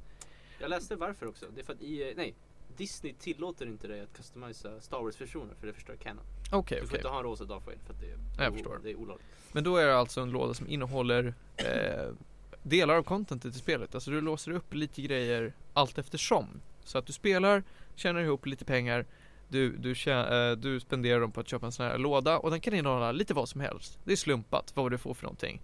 Det kan vara att du får någon typ av granat, du kan få någon typ av vapen eller kanske någon typ av karaktär. Eh, problemet är ju då att nästan alla hjältekaraktärer har varit det stora problemet är låsta bakom sådana här väggar. Eh, Jag tror att de använder exemplet att det krävs 80 timmar speltid för att du ska få Darth Vader. Oj. Hmm, var det, hörde du 40? Nej. Ja, okej. Eh, Det kanske är nu efter de har ändrat om det här. Men folk var väldigt missnöjda med det här. Jag, vill ju, jag har ju köpt det här spelet, jag har pröjsat dyra pengar för det. Jag vill kunna spela mina favoritkaraktärer. Så får jag inte ens spela Darth Vader. Mm. Vad dåligt det går. Ehm, och ja, eh, vad ska jag säga? Det, det är ju det är ju väldigt dumt och folk blev ju väldigt arga så att nu tog ju faktiskt EA och svarade på det här. De sa till fansen att okej, vi har hört era böner. Nu tar vi bort lootboxes. För tid. För en tid. Fast det var ju inte bara för att de hörde folkets klagomål. Disney var ju tvungna att kliva in och ge dem en rejäl örfil. För Ja, att, det var ju Disneys klagomål också, inte bara folket. ja. Men hela grejen, jag kommer inte, hur var första Battlefront? Hur var dess progression system? Var det bara vanligt som Battlefield? Liksom, du levlade typ Ja, av att spela? Ja, så var det. Du, du levlar av att spela, du låser upp en ny rank eller någonting som att spela Call of Duty eller kritiken som de fick var att det fanns typ två maps och Ja. ett game mode och det var så här 600 spänn. Ja, så det var men ingen exakt. som tyckte det var värt. Liksom. Mm. Mm. För att lootboxes är väl inget nytt egentligen? Det är väl bara första gången det används så aggressivt som progression, eller hur? För Ja. att, Exakt. för att det finns ju alla de här, så Hearthstone och Gwent och allting har ju ändå att du betalar för att få random items och eh, Overwatch och allt det där och Team 4. Det finns ju massor med sånt. Men det här är väl första gången det verkligen är verkligen inknutet till progression på något sätt som Ja. verkligen hindras av. Du är ju rent avlåst. Ja. Det är så att du har ett uppenbart övertag om Mm. du har mer grejer. Det, är- det är lite som i Hearthstone måste jag erkänna att om du har rätt kort, om du har tillräckligt mycket kort, Mm. då har du ett, ett, eh, rent och skärt övertag. Men om vi jämför med Overwatch där alla förändringar bara är kosmetiska, då, är ju, då har du inget övertag. Du tjänar inte mer, du får inga nya vapen Nej. som gör andra saker. I Team Fortress då är det lite blandat för det är väldigt mycket som Ja, bara är kosmetiskt. Det är väldigt rörigt hela, alltså du har ju så många olika items du kan Ja, ja precis och de är inte, alltså det finns ofta så att de är så balanserade så att okej fine du får en liten bonus Mm. men det är ofta uppvägt mot att du får något minus också. Ofta så ändrar du bara din playstyle, inte utan att du blir starkare utan du spelar på ett annat sätt bara. Exakt. Eh, Men, men om vi tar då Hearthstone och där Battlefront 2 då som bovarna så är det ju så att där är det rent kopplat till vad du kan göra. Ehm, så, och, och EA då de har ju, de plockade ju bort eh, lootboxes en tid. Eh, och sen så har de sagt att ah, men nu ska vi återinföra det men vi ska ha, vi har ju sänkt kraven va. Nu är det billigare att, låsa upp karaktärer och, och lootboxes och grejer. Vad de inte har gått ut med lika hårt är ju att de har också sänkt eh, hastigheten du tjänar sån här in-game currency på. Så de har ju skalat ner det också. Jag tror att det går ju lite snabbare, det gör det. Men det är än, än vad det gjorde innan de plockade bort lootboxes. Men det är ju så pass lite att det, det problemet kvarstår. De skulle ju behöva göra, låta DICE göra om hela, hela skiten för att ta bort lootbox-systemet, låsa upp contentet åt alla och bara bygga det på ett annat sätt. Men nu är det ju nu är det för sent, nu är det här spelet släppt Mm. ute. Är, de skulle behöva göra en jättepatch för att fixa det. Mm. Folk som har köpt det innan skulle bli jätteförbannade för att de har behövt lägga ner surt fördärvade pengar och tid på det här. Ja, de har verkligen satt sig i skiten. Men det är grejen också, det känns inte som att det är så det är inte så första gången de har gjort sånt här heller. De har liksom år efter år gjort någonting dåligt. Liksom, som förra Battlef eh, Battlefield, nej Battlefront. Eller Mass Effect 3. All, liksom, de alltid Minns massor- ni Dead Ah, Space? Andromeda. Det var kul. Andromeda också. Ja, äh, inte trean. Trean är det inget större fel på förutom att de pushade ja, men slutet, lite slutet för var snabbt. ju ganska mycket kritik på i alla fall. När det Ja. kom ut. Jag, jag kommer fortfarande säga att det var inte ett så farligt slut som folk säger att det var. Nej men de det, var, löste det var en stor shitstorm kom Ja, ja, ja, när, det men- var, när det väl släpptes. De löste det ganska snyggt. Eh, Men en Andromeda är ju mycket värre. Mm. Jag, är inte, alltså jag har liksom älskar Mass Effect, jag har inte ens velat spela Andromeda för att jag tycker det ser så jag vet inte, ut bara. Jag vet inte, jag har inte orkat bry mig om det liksom. Nej alltså det var, det var ett dåligt spel. Det alltså, jag, jag, jag tycker nog, ja, jag körde igenom hela, jag körde väldigt mycket. Jag tycker nog att till och med att det är sämre än ettan. Det är Jag- så? Ja. Och ettan var ju dålig spelmässigt men det hade en bra story. Ja. Jag är inte, jag blir inte sugen på att spela för jag såg det bara det här ser så generiskt inte ut. Adam, har du kört något Mass Effect? Jag vågar inte röra med tång. Sen Nej. jag Det enda som verkade vara häftigt med spelet, det är att man kunde köra runt i den där coola bilen. Det var liksom, om de hade gjort med Andromeda till ett bilspel, då hade jag köpt det. Ja, Är det som Mako eller? ja det är som. Egon, så att det är det elementet de har tagit från ettan. Men Mm. det är det som gör att jag tycker att Mass Effect 2 och 3 är så fruktansvärt bra spel för att de har streamlinat det så. Banorna är ganska korta, de är fyllda med action så att det aldrig känns som att du gör någonting repetitivt. Mycket härlig dialog, du kan ta det egentligen i hela spelet i din egen Mm. takt. Är det, har du inte kört något Mass Effect så rekommenderar jag i alla fall 2 och 3 Det låter rimligt. Ja. ehm, Men får jag fråga så här då? Eller fråga, men liksom, det är också så här, typ de la ju precis ner Respawn. Nej, skojar bara. De la ner eh, Visceral. Ja, just Det, det. och de köpte Respawn, så var det.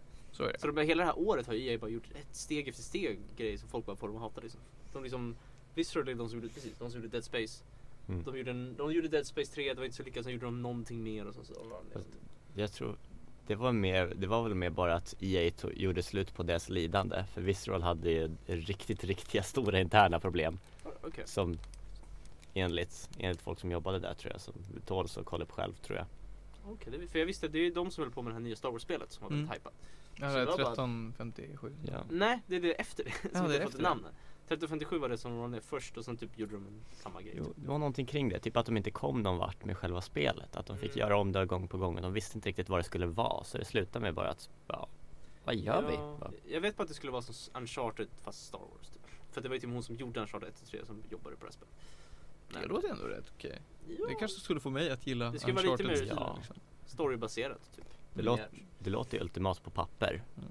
Ja, men vi vet, vi vet inte vad som händer riktigt. Mm. 100%. Nej, men jag vet inte. Så jag har ju inte alls ett intresse att spela Battlefront eh, 2. Men har de liksom, tror de kunde kunna ta sig ur det här på något sätt och få det så för jag läste att spelet har inte sålt så bra heller. För att nej, nej, det var ingen som var så imponerad av det liksom. Um, jag vet inte, jag har ju spelat en del. Uh, jag har fått möjligheten att spela det på allehanda internetcaféer och, och LAN och sånt där. Mm. Och jag tycker ju inte att det är bra. Jag tycker inte att det är bra som spel. Liksom, det är för stora maps. Eh, det, det, actionen är jättekonstigt placerad så det inte är kul att jag kan klaga på andra saker. Nu pratar vi egentligen bara om lootboxes men, men eh, vad, ty- vad tycker ni? Ska jag prata om resten av problemen med spelet också eller? Ja, why not? Ja. Okej. Ehm, klasserna som man kan spela känns jätte, jätte repetitiva. Det känns som att de inte gör någonting särskilt mer om. Jag tror inte lootboxes ändrar, alltså och det man låser upp i lootboxes ändrar allt för mycket. Eh, det största problemet jag märkte var att just mapsen är för stora, objectives är placerade på ett sånt sätt att du har världens största yta som du bara är eh, på en liten del i taget på kan man säga. Alltså det finns inget syfte med att du springer land och rike åt det här hållet när, när allt som är viktigt är på den här jättelilla ytan. När ett objektiv är klart och flyttas bara actionen till den här jättelilla ytan en bit bort. Resten är bara dött område. Det är bara skog eller så kanske det bara är random stad. You, you, you tell me liksom. Men inte det lite som Battlefield också? Det är också så himla stort. Jo, Eller, Eh, tycker du om Battlefield? jag, jag tycker om Battlefield, jag tyckte om Battlefield 2 mycket när jag var yngre liksom. Mm. Och det, jag tyckte det var samma problem där. Det Okej. tog evigheter att ta sig runt. Mm, det tycker jag också är. Ehm, Ja, i Battlefield var det ändå väldigt tematiskt och man, jag uppskattade just det väldigt mycket för att in, inte för att man uppskattade själva ytan men att man får tillfällen att att det kommer en skådmedlem och hoppa, så får man hoppa på deras buss, så åker man dit tillsammans och liksom det är värsta sa, samarbetskänslan kring att man måste använda fordon till att faktiskt ta sig någonstans för att vem vill springa? ja Jag vet inte om Battlefront har det problemet Lite grann, alltså jag vet inte, det, det är en, en blandning. Om, om vi säger så här. Det som gjorde att jag tyckte Battlefield funkade var att objektivet inte är på ett ställe i taget. Du kan åka till lite random ställen Mm. på kartan och resten är blir lite dött eller så gör du det till ett faktiskt slagfält. Mm. Ehm, men, men, och det finns ju sådana kartor i Battlefront också där det är så att okej fine, det behöver inte vara ett objektiv taget utan du kanske ska ta över tre control points. Men på, på den nivån jag körde då var det verkligen så att de flesta kartorna var nu är vi bara här, bara på den här lilla ytan. Det finns inget syfte med att gå hit förrän om en kvart när det här objektivet är klart liksom. Och det var mycket så att objektivet gick ut på att ta över den här punkten eller håll den här en stund liksom. Ehm, och det var inte så att det kändes som att du påverkade någonting Mm. mer än att nu är det klart, nu gör vi det här istället. Men alltså jag har, jag har en kompis som köpte det på release och jag frågade honom när det kom ut bara, är liksom, är det kul att spela? Även för han köpte inga lootbox, han bara spelar. Han sa att det var väldigt kul om man spelade med kompisar i samma skåd typ, eller jag vet inte hur det funkar riktigt. Att man spelade med varandra. Det var då liksom det var kul. Är det det? Alltså tycker du när du spelat det om, liksom, är det, Nej. det, no, är det någonting som är kul i det att spela tillsammans? Nej, Nej. nej det tycker jag inte alls. Alltså, du, det känns ju inte som att du på något sätt spelar någon roll vem som spelar vad. Det kä- känns som att eh, det känns inte som att man spelar tillsammans särskilt mycket. Man är väldigt mycket ensam, bara att det är massa saker runt omkring en som kan panga på. Ehm, samarbetet känns... mm. Jag vet inte, nej. Eh, ja, nej, jag kan inte säga någonting särskilt positivt om det. Eh, Men då låter det lite som att ändå DICE gjorde bara ett dåligt spel också. Alltså det är bara tråkigt. Alltså inte Ja. bara lootbox-system liksom. Ja visst. Det tycker jag att de, de kunde definitivt gjort det bättre. Mm. Eh, ja. ja, det det är synd faktiskt. Det känns ju som att de har Mm. fått en fin liksom, IP att jobba med. Star Wars liksom. Du kan göra mycket mer. Mm. Sen Det- funkar det bara inte. Det känns som att de kunde lika gärna ha typ gjort en ren revamp av de gamla spelen. Jag Nej. tror inte man får göra så. Men, men hade de gjort det så hade det i alla fall, alltså då hade, då, inte, då hade det inte varit lika stor hype kring det. Då hade det inte varit att de hade haft lika mycket krav på sig utan nu är det snarare att de har gjort fansen en tjänst och sagt att okej, nu har vi fixat bättre servrar till det gamla spelet. Vi har fixat så att det ser snyggare ut och vi kanske lagt till någon ny funktion. Det hade räckt. Mm. Det hade räckt för att säga att okej fine, vi behöver inte göra ett helt nytt spel som folk måste hypa sönder till utan vi har bara förbättrat en gammal grej för den som är intresserad. Det Mm. tar inte lika mycket tid, resurser och eh, då, jag tror det bara hade räckt egentligen. Men, vad heter det, hur många här har faktiskt spelat originalspelet? Star Wars Battlefront 2? De gamla alltså. Ja, de gamla ettan och tvåan, ja, Ja. båda. Jag har Bara två. lite grann jag spelat tvåan. Inte mycket. Det är Okej, skitkul, för- alltså. Ja, jag tycker tvåan Det- är mycket bättre. än Med problemen som ni så här, radar upp, typ som att det bara finns en control point, mycket dött utrymme, generiska klasser. Det var ju också en grej som de no- normala spelen löd, led av väldigt mycket fast jag antar att man hade andra, förväntningar då på själva spelet. Mm, jag tror det också. Det, det var en a thing of the past liksom, att man köpte det väldigt mycket.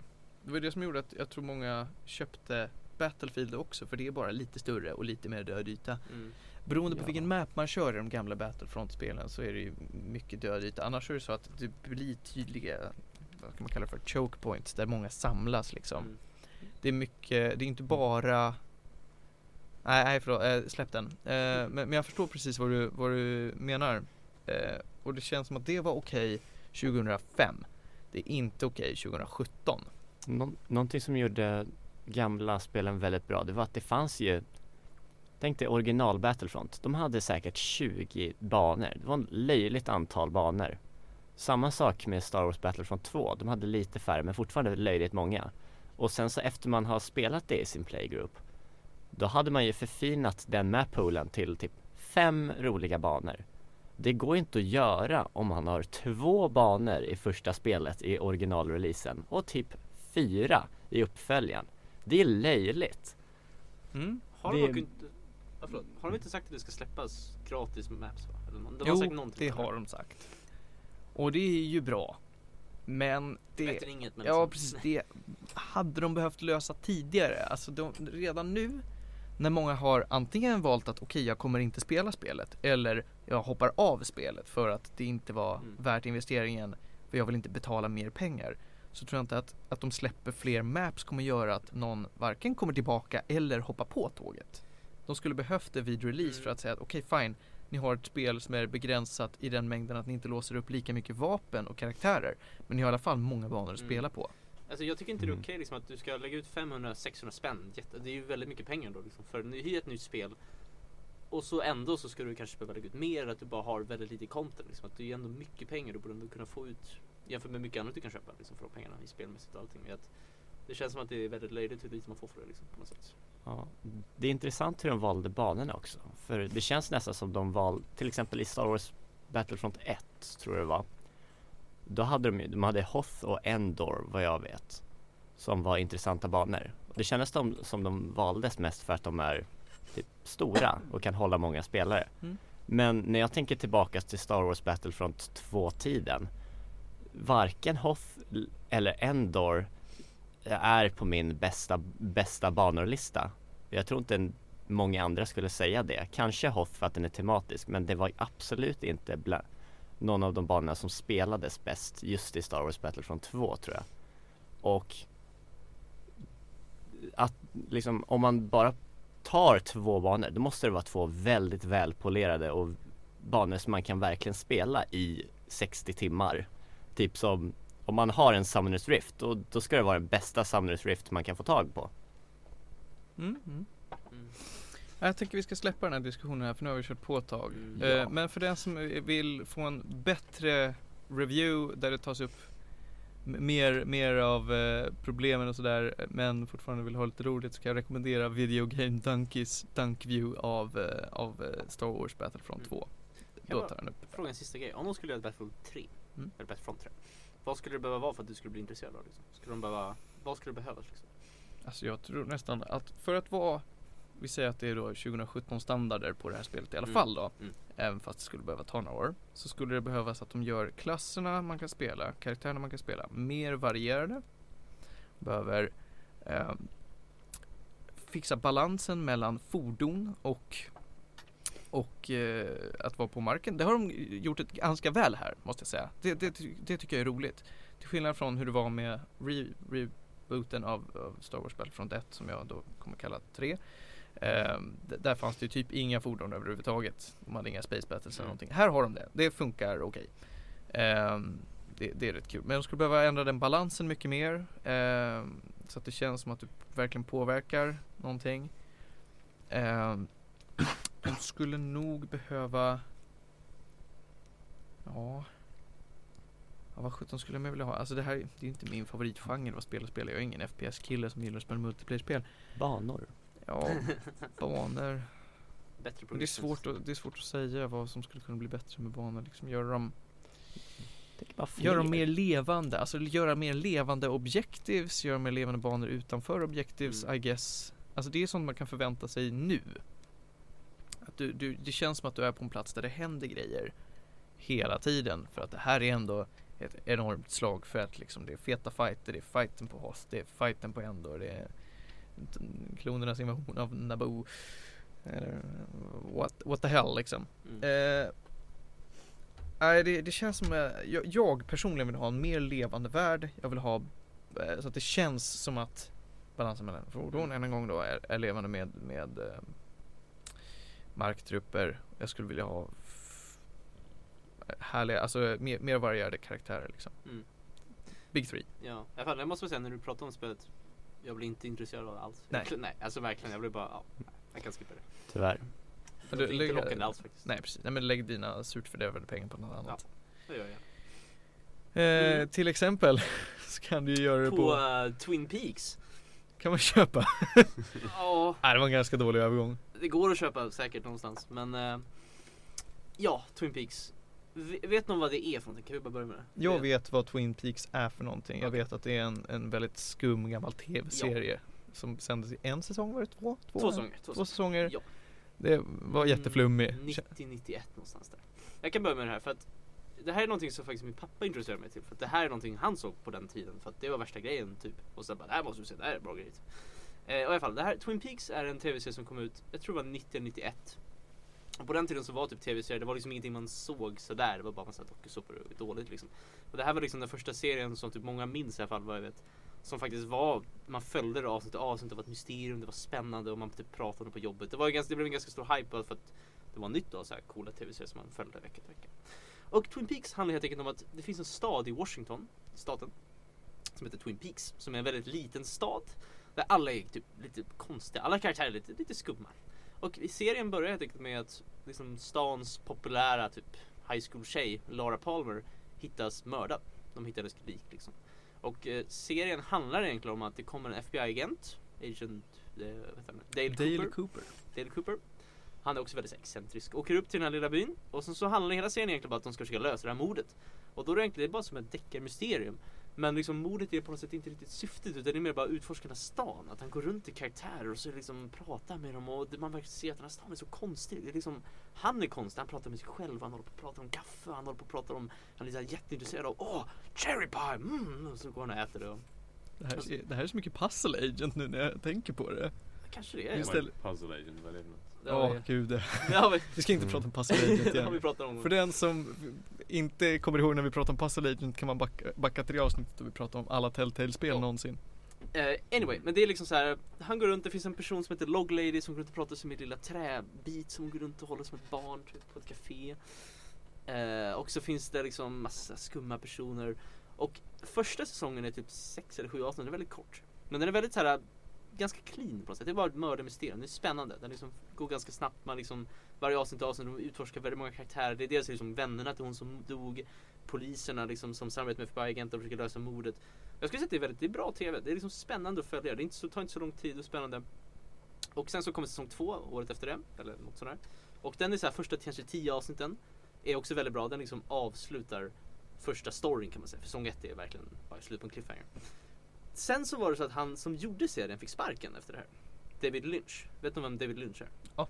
Det är en, han är egentligen görs med filmer men han är väl typ mest känd för Twin Peaks nu för att det blev så stort. Han typ fick sparken när han gjorde den.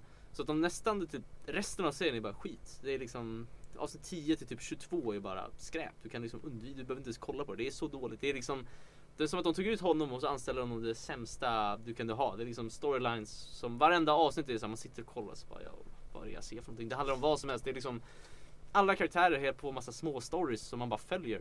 Och det är helt ointressant. Allting är liksom, man kan, du kan hoppa 12 avsnitt och du missar någonting liksom. Typ. Och det är liksom helt oför, liksom alla karaktärer är tråkiga. Det finns ingenting jag kommer göra. De bara går runt och har lite problem. Åh, det här är min adoptivson. Åh nej, han är dålig. Och det håller de på. Det är bara massa små bekymmer som är jättetråkigt att följa. Sen så kommer han tillbaks David Lynch för sista avsnittet. Som var en, och det avsnittet är riktigt bra. Den är liksom, knyter ihop hela storyn på ett väldigt intressant sätt. För det här Twin Peaks är jättekonstigt. Som, det handlar väldigt mycket om demoner och spirits i skogen och konstiga områden och röda ridåer och konstiga golv typ. Eh, och den knyter upp storyn på ett väldigt intressant sätt. Men samtidigt så slutar den på en väldigt enorm cliffhanger. Som är verkligen så här. Eh, vad ska man säga? Väldigt stor cliffhanger. Man bara shit, det här liksom, storyn är inte slut här. Man bara, det kommer kunna fortsätta. Och så händer ingenting på 25 år typ eller någonting. Eller ja, de släppte en film men det var typ en prequel-film så den är inte riktigt kopplad till det. Och det var liksom det. det, var så, här, ja, det man fick aldrig se något slut. Det var lite som Half-Life 2 på något sätt. Det var, liksom, var väldigt spännande cliffhanger men man fick aldrig se någonting. Förrän det började ryktas om att de skulle försöka göra någon slags reboot eller uppföljare. Man visste inte vad det var för någonting. Och det här David Lynch som snackade om att han skulle göra det.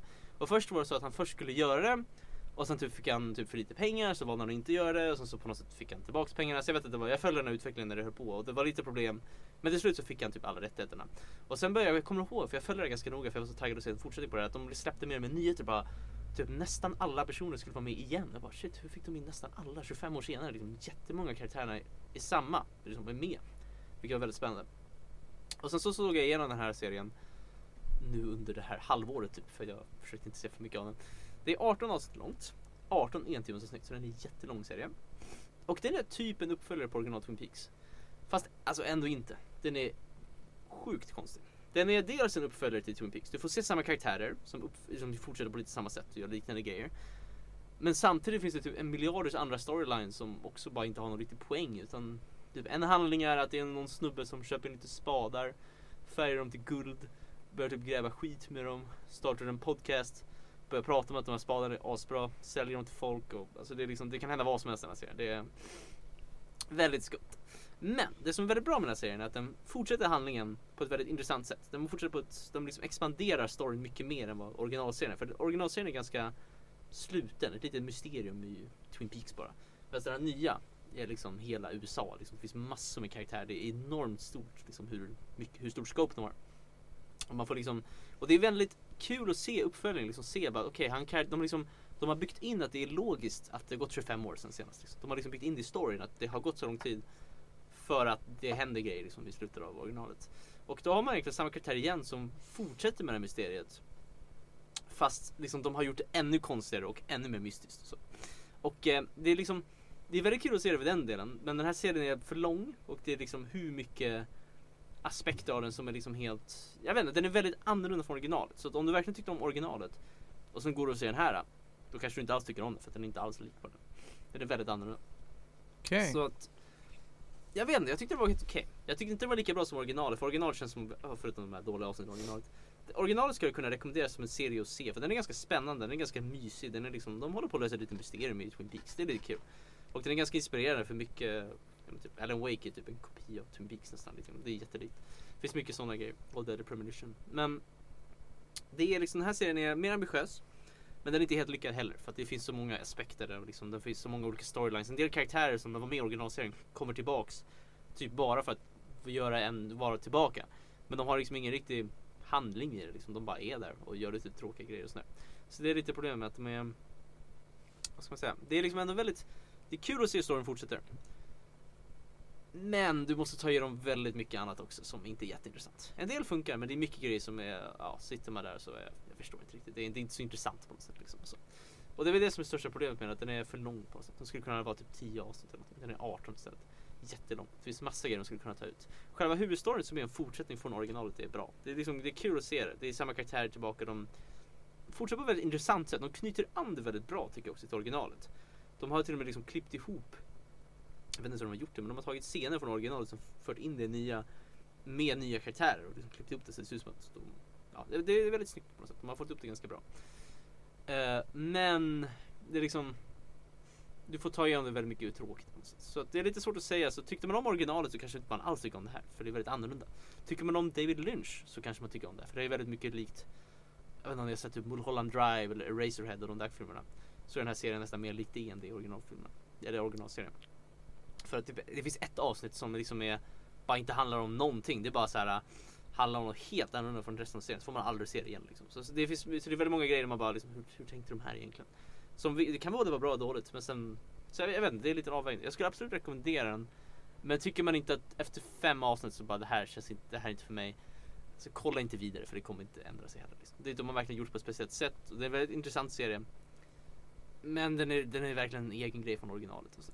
och jag tycker alltså originalet är liksom vad ska man säga, det är ganska inspirerande också rent bara hur det är så här, en tv-serie. För de hade liksom en story och så, så hade de massa andra småstories som kopplades ihop till det på ett väldigt snyggt sätt tycker jag. För de hade en huvudstory där allting knöts an. Men, ja sen så hade den lite problem också. Men den här är liksom bara mer, jag vet inte, de, kan, de hittar på vad som helst. Alltså. Det kan vara jättebra grejer, det kan vara jättekonstiga grejer. Så det är lite en blandad påse med grejer kan man säga. Ja, jag vet inte, det är svårt Men- att... Hur skulle du säga skill... Nu när du har sett båda så att säga, Mm. hur, hur skulle du säga skillnaden är från den här storylinen från här, en liten by mitt i Ja. ingenstans, typ uh, svensk deckardrama känsla kanske till eh, mer eh, så här grandiöst scope över hela USA. Märks det någon Ehm. tydlig kontrast där? Jo absolut, alltså det, det känns inte som Twin Peaks. Eller det man associerar med Twin Peaks känns det man inte igen så mycket. Man gör vissa grejer. Men det är mycket som mer som känns lite mer som en... Svårt att säga, det känns inte som någonting. Det känns som en David Lynch-film. Det, liksom, det knyter an, tycker jag, alltså liksom... Jag tycker det funkar. Det är inte lika bra som ett deckarmysterium. För att det är inte riktigt ett deckarmysterium längre. Det är bara att de de fortsätter lite grann från det de har men de har liksom, serien har liksom expanderat och blivit helt annorlunda på deras tiden ändå. Så att det är liksom fortfarande relevant för originalet men det är så annorlunda ändå så att det är svårt att jämföra. Men det är ändå liksom, hur ska jag säga, jag tycker de, de fortsätter på ett bra sätt men ändå gör om det. Hur, hur ska jag jämföra? Det är som nu vill jag jämföra med Blade Runner men det var ju ingen av er sett nya Blade Runner. Men eh, det, är liksom, de, det, är en, det, är, det är en bra fortsättning men det, den är annorlunda liksom. Det kanske inte är för Mm. alla. Men jag tycker det kan vara värt i alla fall att testa det. Men sen finns det som sagt, jag tycker många scener och många storylines som jag tycker är helt onödiga. Så du kan lika gärna ta bort typ hälften nästan. Liksom. Det var jättemycket som var helt onödigt. Vågar du ge den laxar? Gäddor. Gäddor? Nära nog. Nej, jag gillar, jag gillar lax. Alright. Jag tycker det är väldigt, om, man, om man ska göra originalet, om man skulle bortse från det som är dåligt i originalet, för det finns typ en tredjedel av serien är bara skit. Typ om du bara tar bort den och hoppar över dem så kanske originalet är en nia kanske. Jag tycker den är riktigt spännande. Och slutar på ett väldigt bra sätt. Den här nya serien kanske är lite mer en, jag vet inte, en sjua kanske. Alltså det är liksom, skulle de också bara tagit bort typ, filtrerat bort alla onödiga storylines och kondenserat till 10 timmar med bara liksom, det här är fortsättning på storyn. Då kanske det skulle varit en 8, 9 kanske. Det beror på. Alltså det är liksom, det är bra skådespelare. Det är väldigt många kända skådespelare utöver dem. Det är, liksom, det är Naomi Watts, det är, eh, vad heter han nu? Han som brukar vara med i Tarantino-filmer. Och det är liksom massa olika små karaktärer som man bara, ah, han kan inte”. Det är, det är, eh, han som är så blyg. Michael eh, Cera är med i så en scen typ dyker han upp lite grann. Så det är liksom, det är ändå hyfsat många kända. Och så är det väldigt kul att se alla gamla skådespelare tillbaks typ. De flesta i alla fall tillbaks. Så det är också väldigt kul att se det. Men jag vet inte, jag skulle absolut säga att man skulle se originalet först. För att ser du inte originalet först och ser den här. Typ jag hade en kompis som testade att se den för att jag fick bra betyg. Han gav upp efter typ två avsnitt för att du, du förstår ingenting. Du vet inte för att liksom, du måste bygga direkt vidare på vad serien handlar om. Så att du förstår inte karaktären, du vet ingenting och du kommer bara tycka att det är tråkigt. Typ. Så först gå tillbaka och se originalet och sen se den här typ. Och skippa typ en del av originalet också när det är tråkigt. Så det, jag vet inte, Twin Peaks är en väldigt mystisk serie. Jag tycker om den väldigt mycket för att den är så unik och jag gillar David Lynchs liksom, registil väldigt mycket från hans filmer. Men och det jag tycker är en väldigt intressant tv-serie för att det är inte bara en deckarsystem, det är liksom, det är mer än det. Det är liksom, det, de har inte, det, är liksom, alla karaktärer är så underliga, det är något väldigt mystiskt fint med det på något sätt. Att alla karaktärerna är så hur ska jag säga, det är väldigt mystiska karaktärer. Alla går runt och lite så här, håller på med lite sina egna, de har liksom ett eget liv på något sätt. Och det jag tycker jag har inte sett det så många olika serier. För deckarserier brukar vara väldigt fokuserade på mordet och det är dramatiskt. Utan det här är mer det är väldigt jazzig musik, de går runt, tar det lite lugnt, så här, pratar om sitt liv typ. Och det är kul för det är många roliga karaktärer. Så att eh, ändå rekommenderat. Nya serien är intressant. Det här är, det är lite mer som att originalserien var lite mer konstruerat. De började följa vissa tv-standards eller någonting. Det här hade han fått helt fria tyglar. Han kunde, det verkar som han kunde göra vad som helst. Det finns en del av s- scener där man sitter och bara, ja, jag vet, vad är det jag ser just nu? Jag, jag förstår inte. Men det är ändå liksom intressant. Han, han är som ett någon slags här mystisk geni som bara hittar på grejer. Och så får man tycka vad man vill om det för att det kanske är jätte, det är väldigt konstigt. Tycker man om den konstiga delen så tycker man om det väldigt mycket. Det, Så ja, intressant serie. Eh, alltså hela Twin Peaks som säger, jag vet inte om den är klar när de kommer fortsätta för den slutar ändå också lite på en cliffhanger.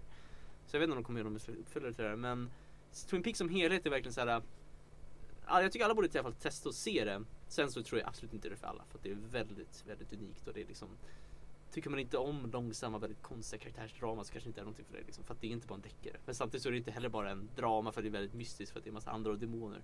Det finns liksom, all, det, är, det är någonting jag kan inte egentligen jämföra, det är något helt unikt. Men därför tycker jag det är så kul också för att det är så Det finns inget liknande liksom, på något sätt. Det är en helt egen grej. Så jag tycker absolut man kan testa. Ta- Doppa fåren lite grann. Dopp, doppa tårna lite grann. det, Testa, se något avsnitt från originalserien. Tycker man om det kan man se vidare. Men börja inte med den nya. Det är liksom nästan strikt bara för de som sätter originalet för att ja, du kommer vara helt lost och tycka det är tråkigt. Typ, så. Och det är väl Twin Peaks skulle jag säga. Det är, Alright. det, jag vet inte, jag tycker om väldigt mycket. Väldigt unik serie. Jag tycker den är absolut värd att se. Om man tycker om väldigt konstiga grejer. Som David Lynch. Ja. Alright. Då eh, har vi ju sex minuter kvar ungefär.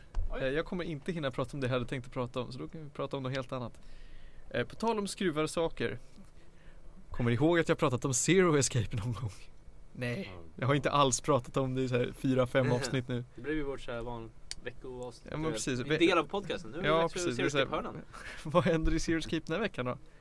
Nej, det här blir faktiskt sista gången jag pratar om Zero Escape. Men inte sista gången jag pratar om utvecklarna Spike Chunsoft. Foreshadowing. Eh, men jag tänkte prata om nu när jag äntligen har kommit igenom det sista spelet i Zero Escape-trilogin. Zero Time Dilemma. Vill jag snacka lite om det. Tidigare har vi pratat om Virtues Last Reward. Vi har pratat om 999. Och nu äntligen då så släpptes, jag tror det var i år, kanske förra året, så släpptes den avslutande biten. Och det är ju ett spännande spel det här. Nu, Martin har ju, jag har pratat med dig om Virtuous Last Reward någon gång back in days, för typ så här fem år sedan. Ja, jag kommer inte ihåg det alls. Nej precis. eh, Adam, har du någon aning om vilka Spike Chunsoft är eller vad Zero Escape är för någonting? Absolut ingen aning. Jag behöver hjälp här. Underbart! Det är, det är väl sån här, man ska hitta ledtrådar i rum typ. Ja men ungefär, det är visual novel blandat med escape room spel.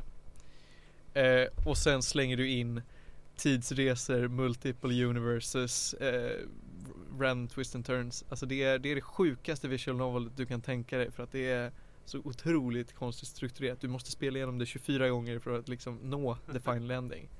Och då spelar man inte igenom samma sak 24 gånger utan du kör Skulle du, skulle du kunna få en liten förklaring på själva settingen? Ja då. Eh, vi kan börja med, med ettan. Snabbt som fan får det gå nu. Ja. Eh, du vaknar upp tillsammans med åtta andra personer inuti Titanic. Bra, då förstår jag exakt vad du menar. Jag vet, jag vet vilket spel det är. Du vet det till och med? Ja, Ja, jag tror, ja precis. Eh, I trean så vaknar du inte upp i Titanic utan du vaknar upp med åtta andra personer. Nej nu är det inte, nu styr du faktiskt inte längre en karaktär utan nu styr du tre olika. Eh, ni vaknar upp inuti, vad ska man kalla det för, så här research center.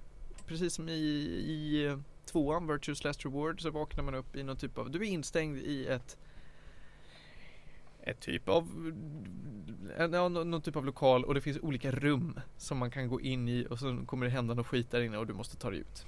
Det, är- det är essensen av det hela. Den här gången är man uppdelad i tre stycken olika lag. Det är C-team, D-team och Q-team. Några karaktärer från de tidigare spelen återvänder. Eh, det är ju Det kan jag inte säga för att det spoilar fasen också. Eh, men det återvänder karaktärer från de tidigare spelen men det kommer, tillkommer också några nya. Och det skapar problem direkt för att de nya karaktärerna blir typ ointressanta för att eh, det, det är liksom de första två spelen har basically handlat om samma nissar. De är jättevälskrivna. Alla har twist and turns som kopplar till varandra. De vet inte vilka varandra är för att alla har tappat minnet men det framgår. Mm, och de måste nu balansera att skriva lite nya karaktärer som ska vara intressanta med att balansera in de här gamla som man faktiskt bryr sig om och knyta ihop säcken kring dem. För att de har lämnat så mycket lösa trådar från de första två spelen. Och de gör det. Writingen, alltså manuset är fortfarande bra. Men problemet är hur spelet ser ut. Det ser ut som skit alltså. Vilken plattform? Det är till vita tror jag. Det är till PC vet jag. Jag tror att det är till 3DS och det finns säkert till någon PS3 eller något. Första två spelen har ju varit rent visual novel liksom. En karaktär dyker upp framför dig, du klickar, klickar, klickar. Eh, du går vidare liksom. Nu har de gjort det att hela spelet är cutscenes istället. Så att du kan inte klicka dig fram utan du bara tittar på en film. Och det är så här fully 3D animated den här gången. Och det ser inte bra ut. Alltså de är ju inte duktiga på det här med att göra någonting grafiskt Spike Chunsoft. De är så dåliga på det. Men var de tecknade innan eller hur var det? I det andra spelet då var de också 3D-modeller men de presenterades Mm. med enkla animationer mitt framför dig som en visual novel. Första spelet då var det, då var det tecknat. Mm.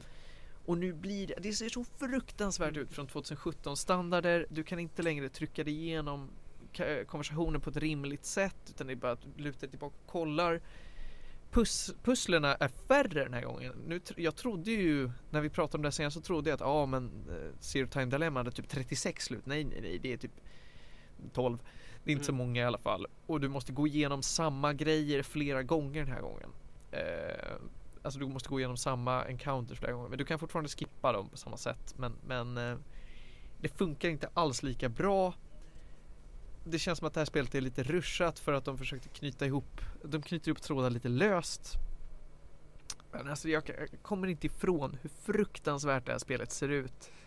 Är det så att det verkligen stör dig när du Ja det är så att det Det stör mig. Jag ska visa er sen hur det ser ut. Men det är, det är riktigt dåliga animationer. Mm. Eh, voice actingen är lika bra som förut. Eh, jag har spelat igenom det på engelska. Jag vet att det är bättre på japanska. Men ja.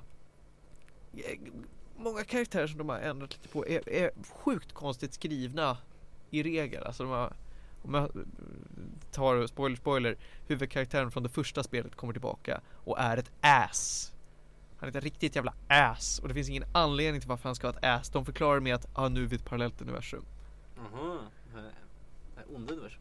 Ja men inte ont universum, alltså det Jag kan verkligen inte säga för mycket om det för det spoilar så mycket men Mm. Man borde spela det här, det är inte jättelångt lyckligtvis. Det är inte lika långt som Virtuous Last Reward. Eh, Man borde spela det ifall man gillade de två första spelen mm, För att det är mervärde, men det räcker ganska bra med att spela de två första. Ja, men är det så att de fortfarande hänger ihop lite grann? Var det? De hänger, alla hänger ihop otroligt det mycket är så, okej. men, men det räcker ganska väl Ja alltså de är, de är superkopplade till varandra Så man börjar med första så Du ska absolut börja med första gå igenom. Jag gjorde fel när jag spelade tvåan först. Men det var, jag visste inte att det var en uppföljare då. Eh, nu är sändningstiden slut för idag, tyvärr. eh, det var jättekul att ni alla har lyssnat på oss. Eh, vi återvänder efter juluppehållet. Årets sista podcast. Årets sista podcastavsnitt är det här. Eh, tack så mycket Adam, Tack själv för att jag fick vara här. Felix Tack igen. och Martin. Tack. Så tar vi och avslutar med att jag spelar Ängladam med Oskar Lindros Puss och kram och nyp i stjärten.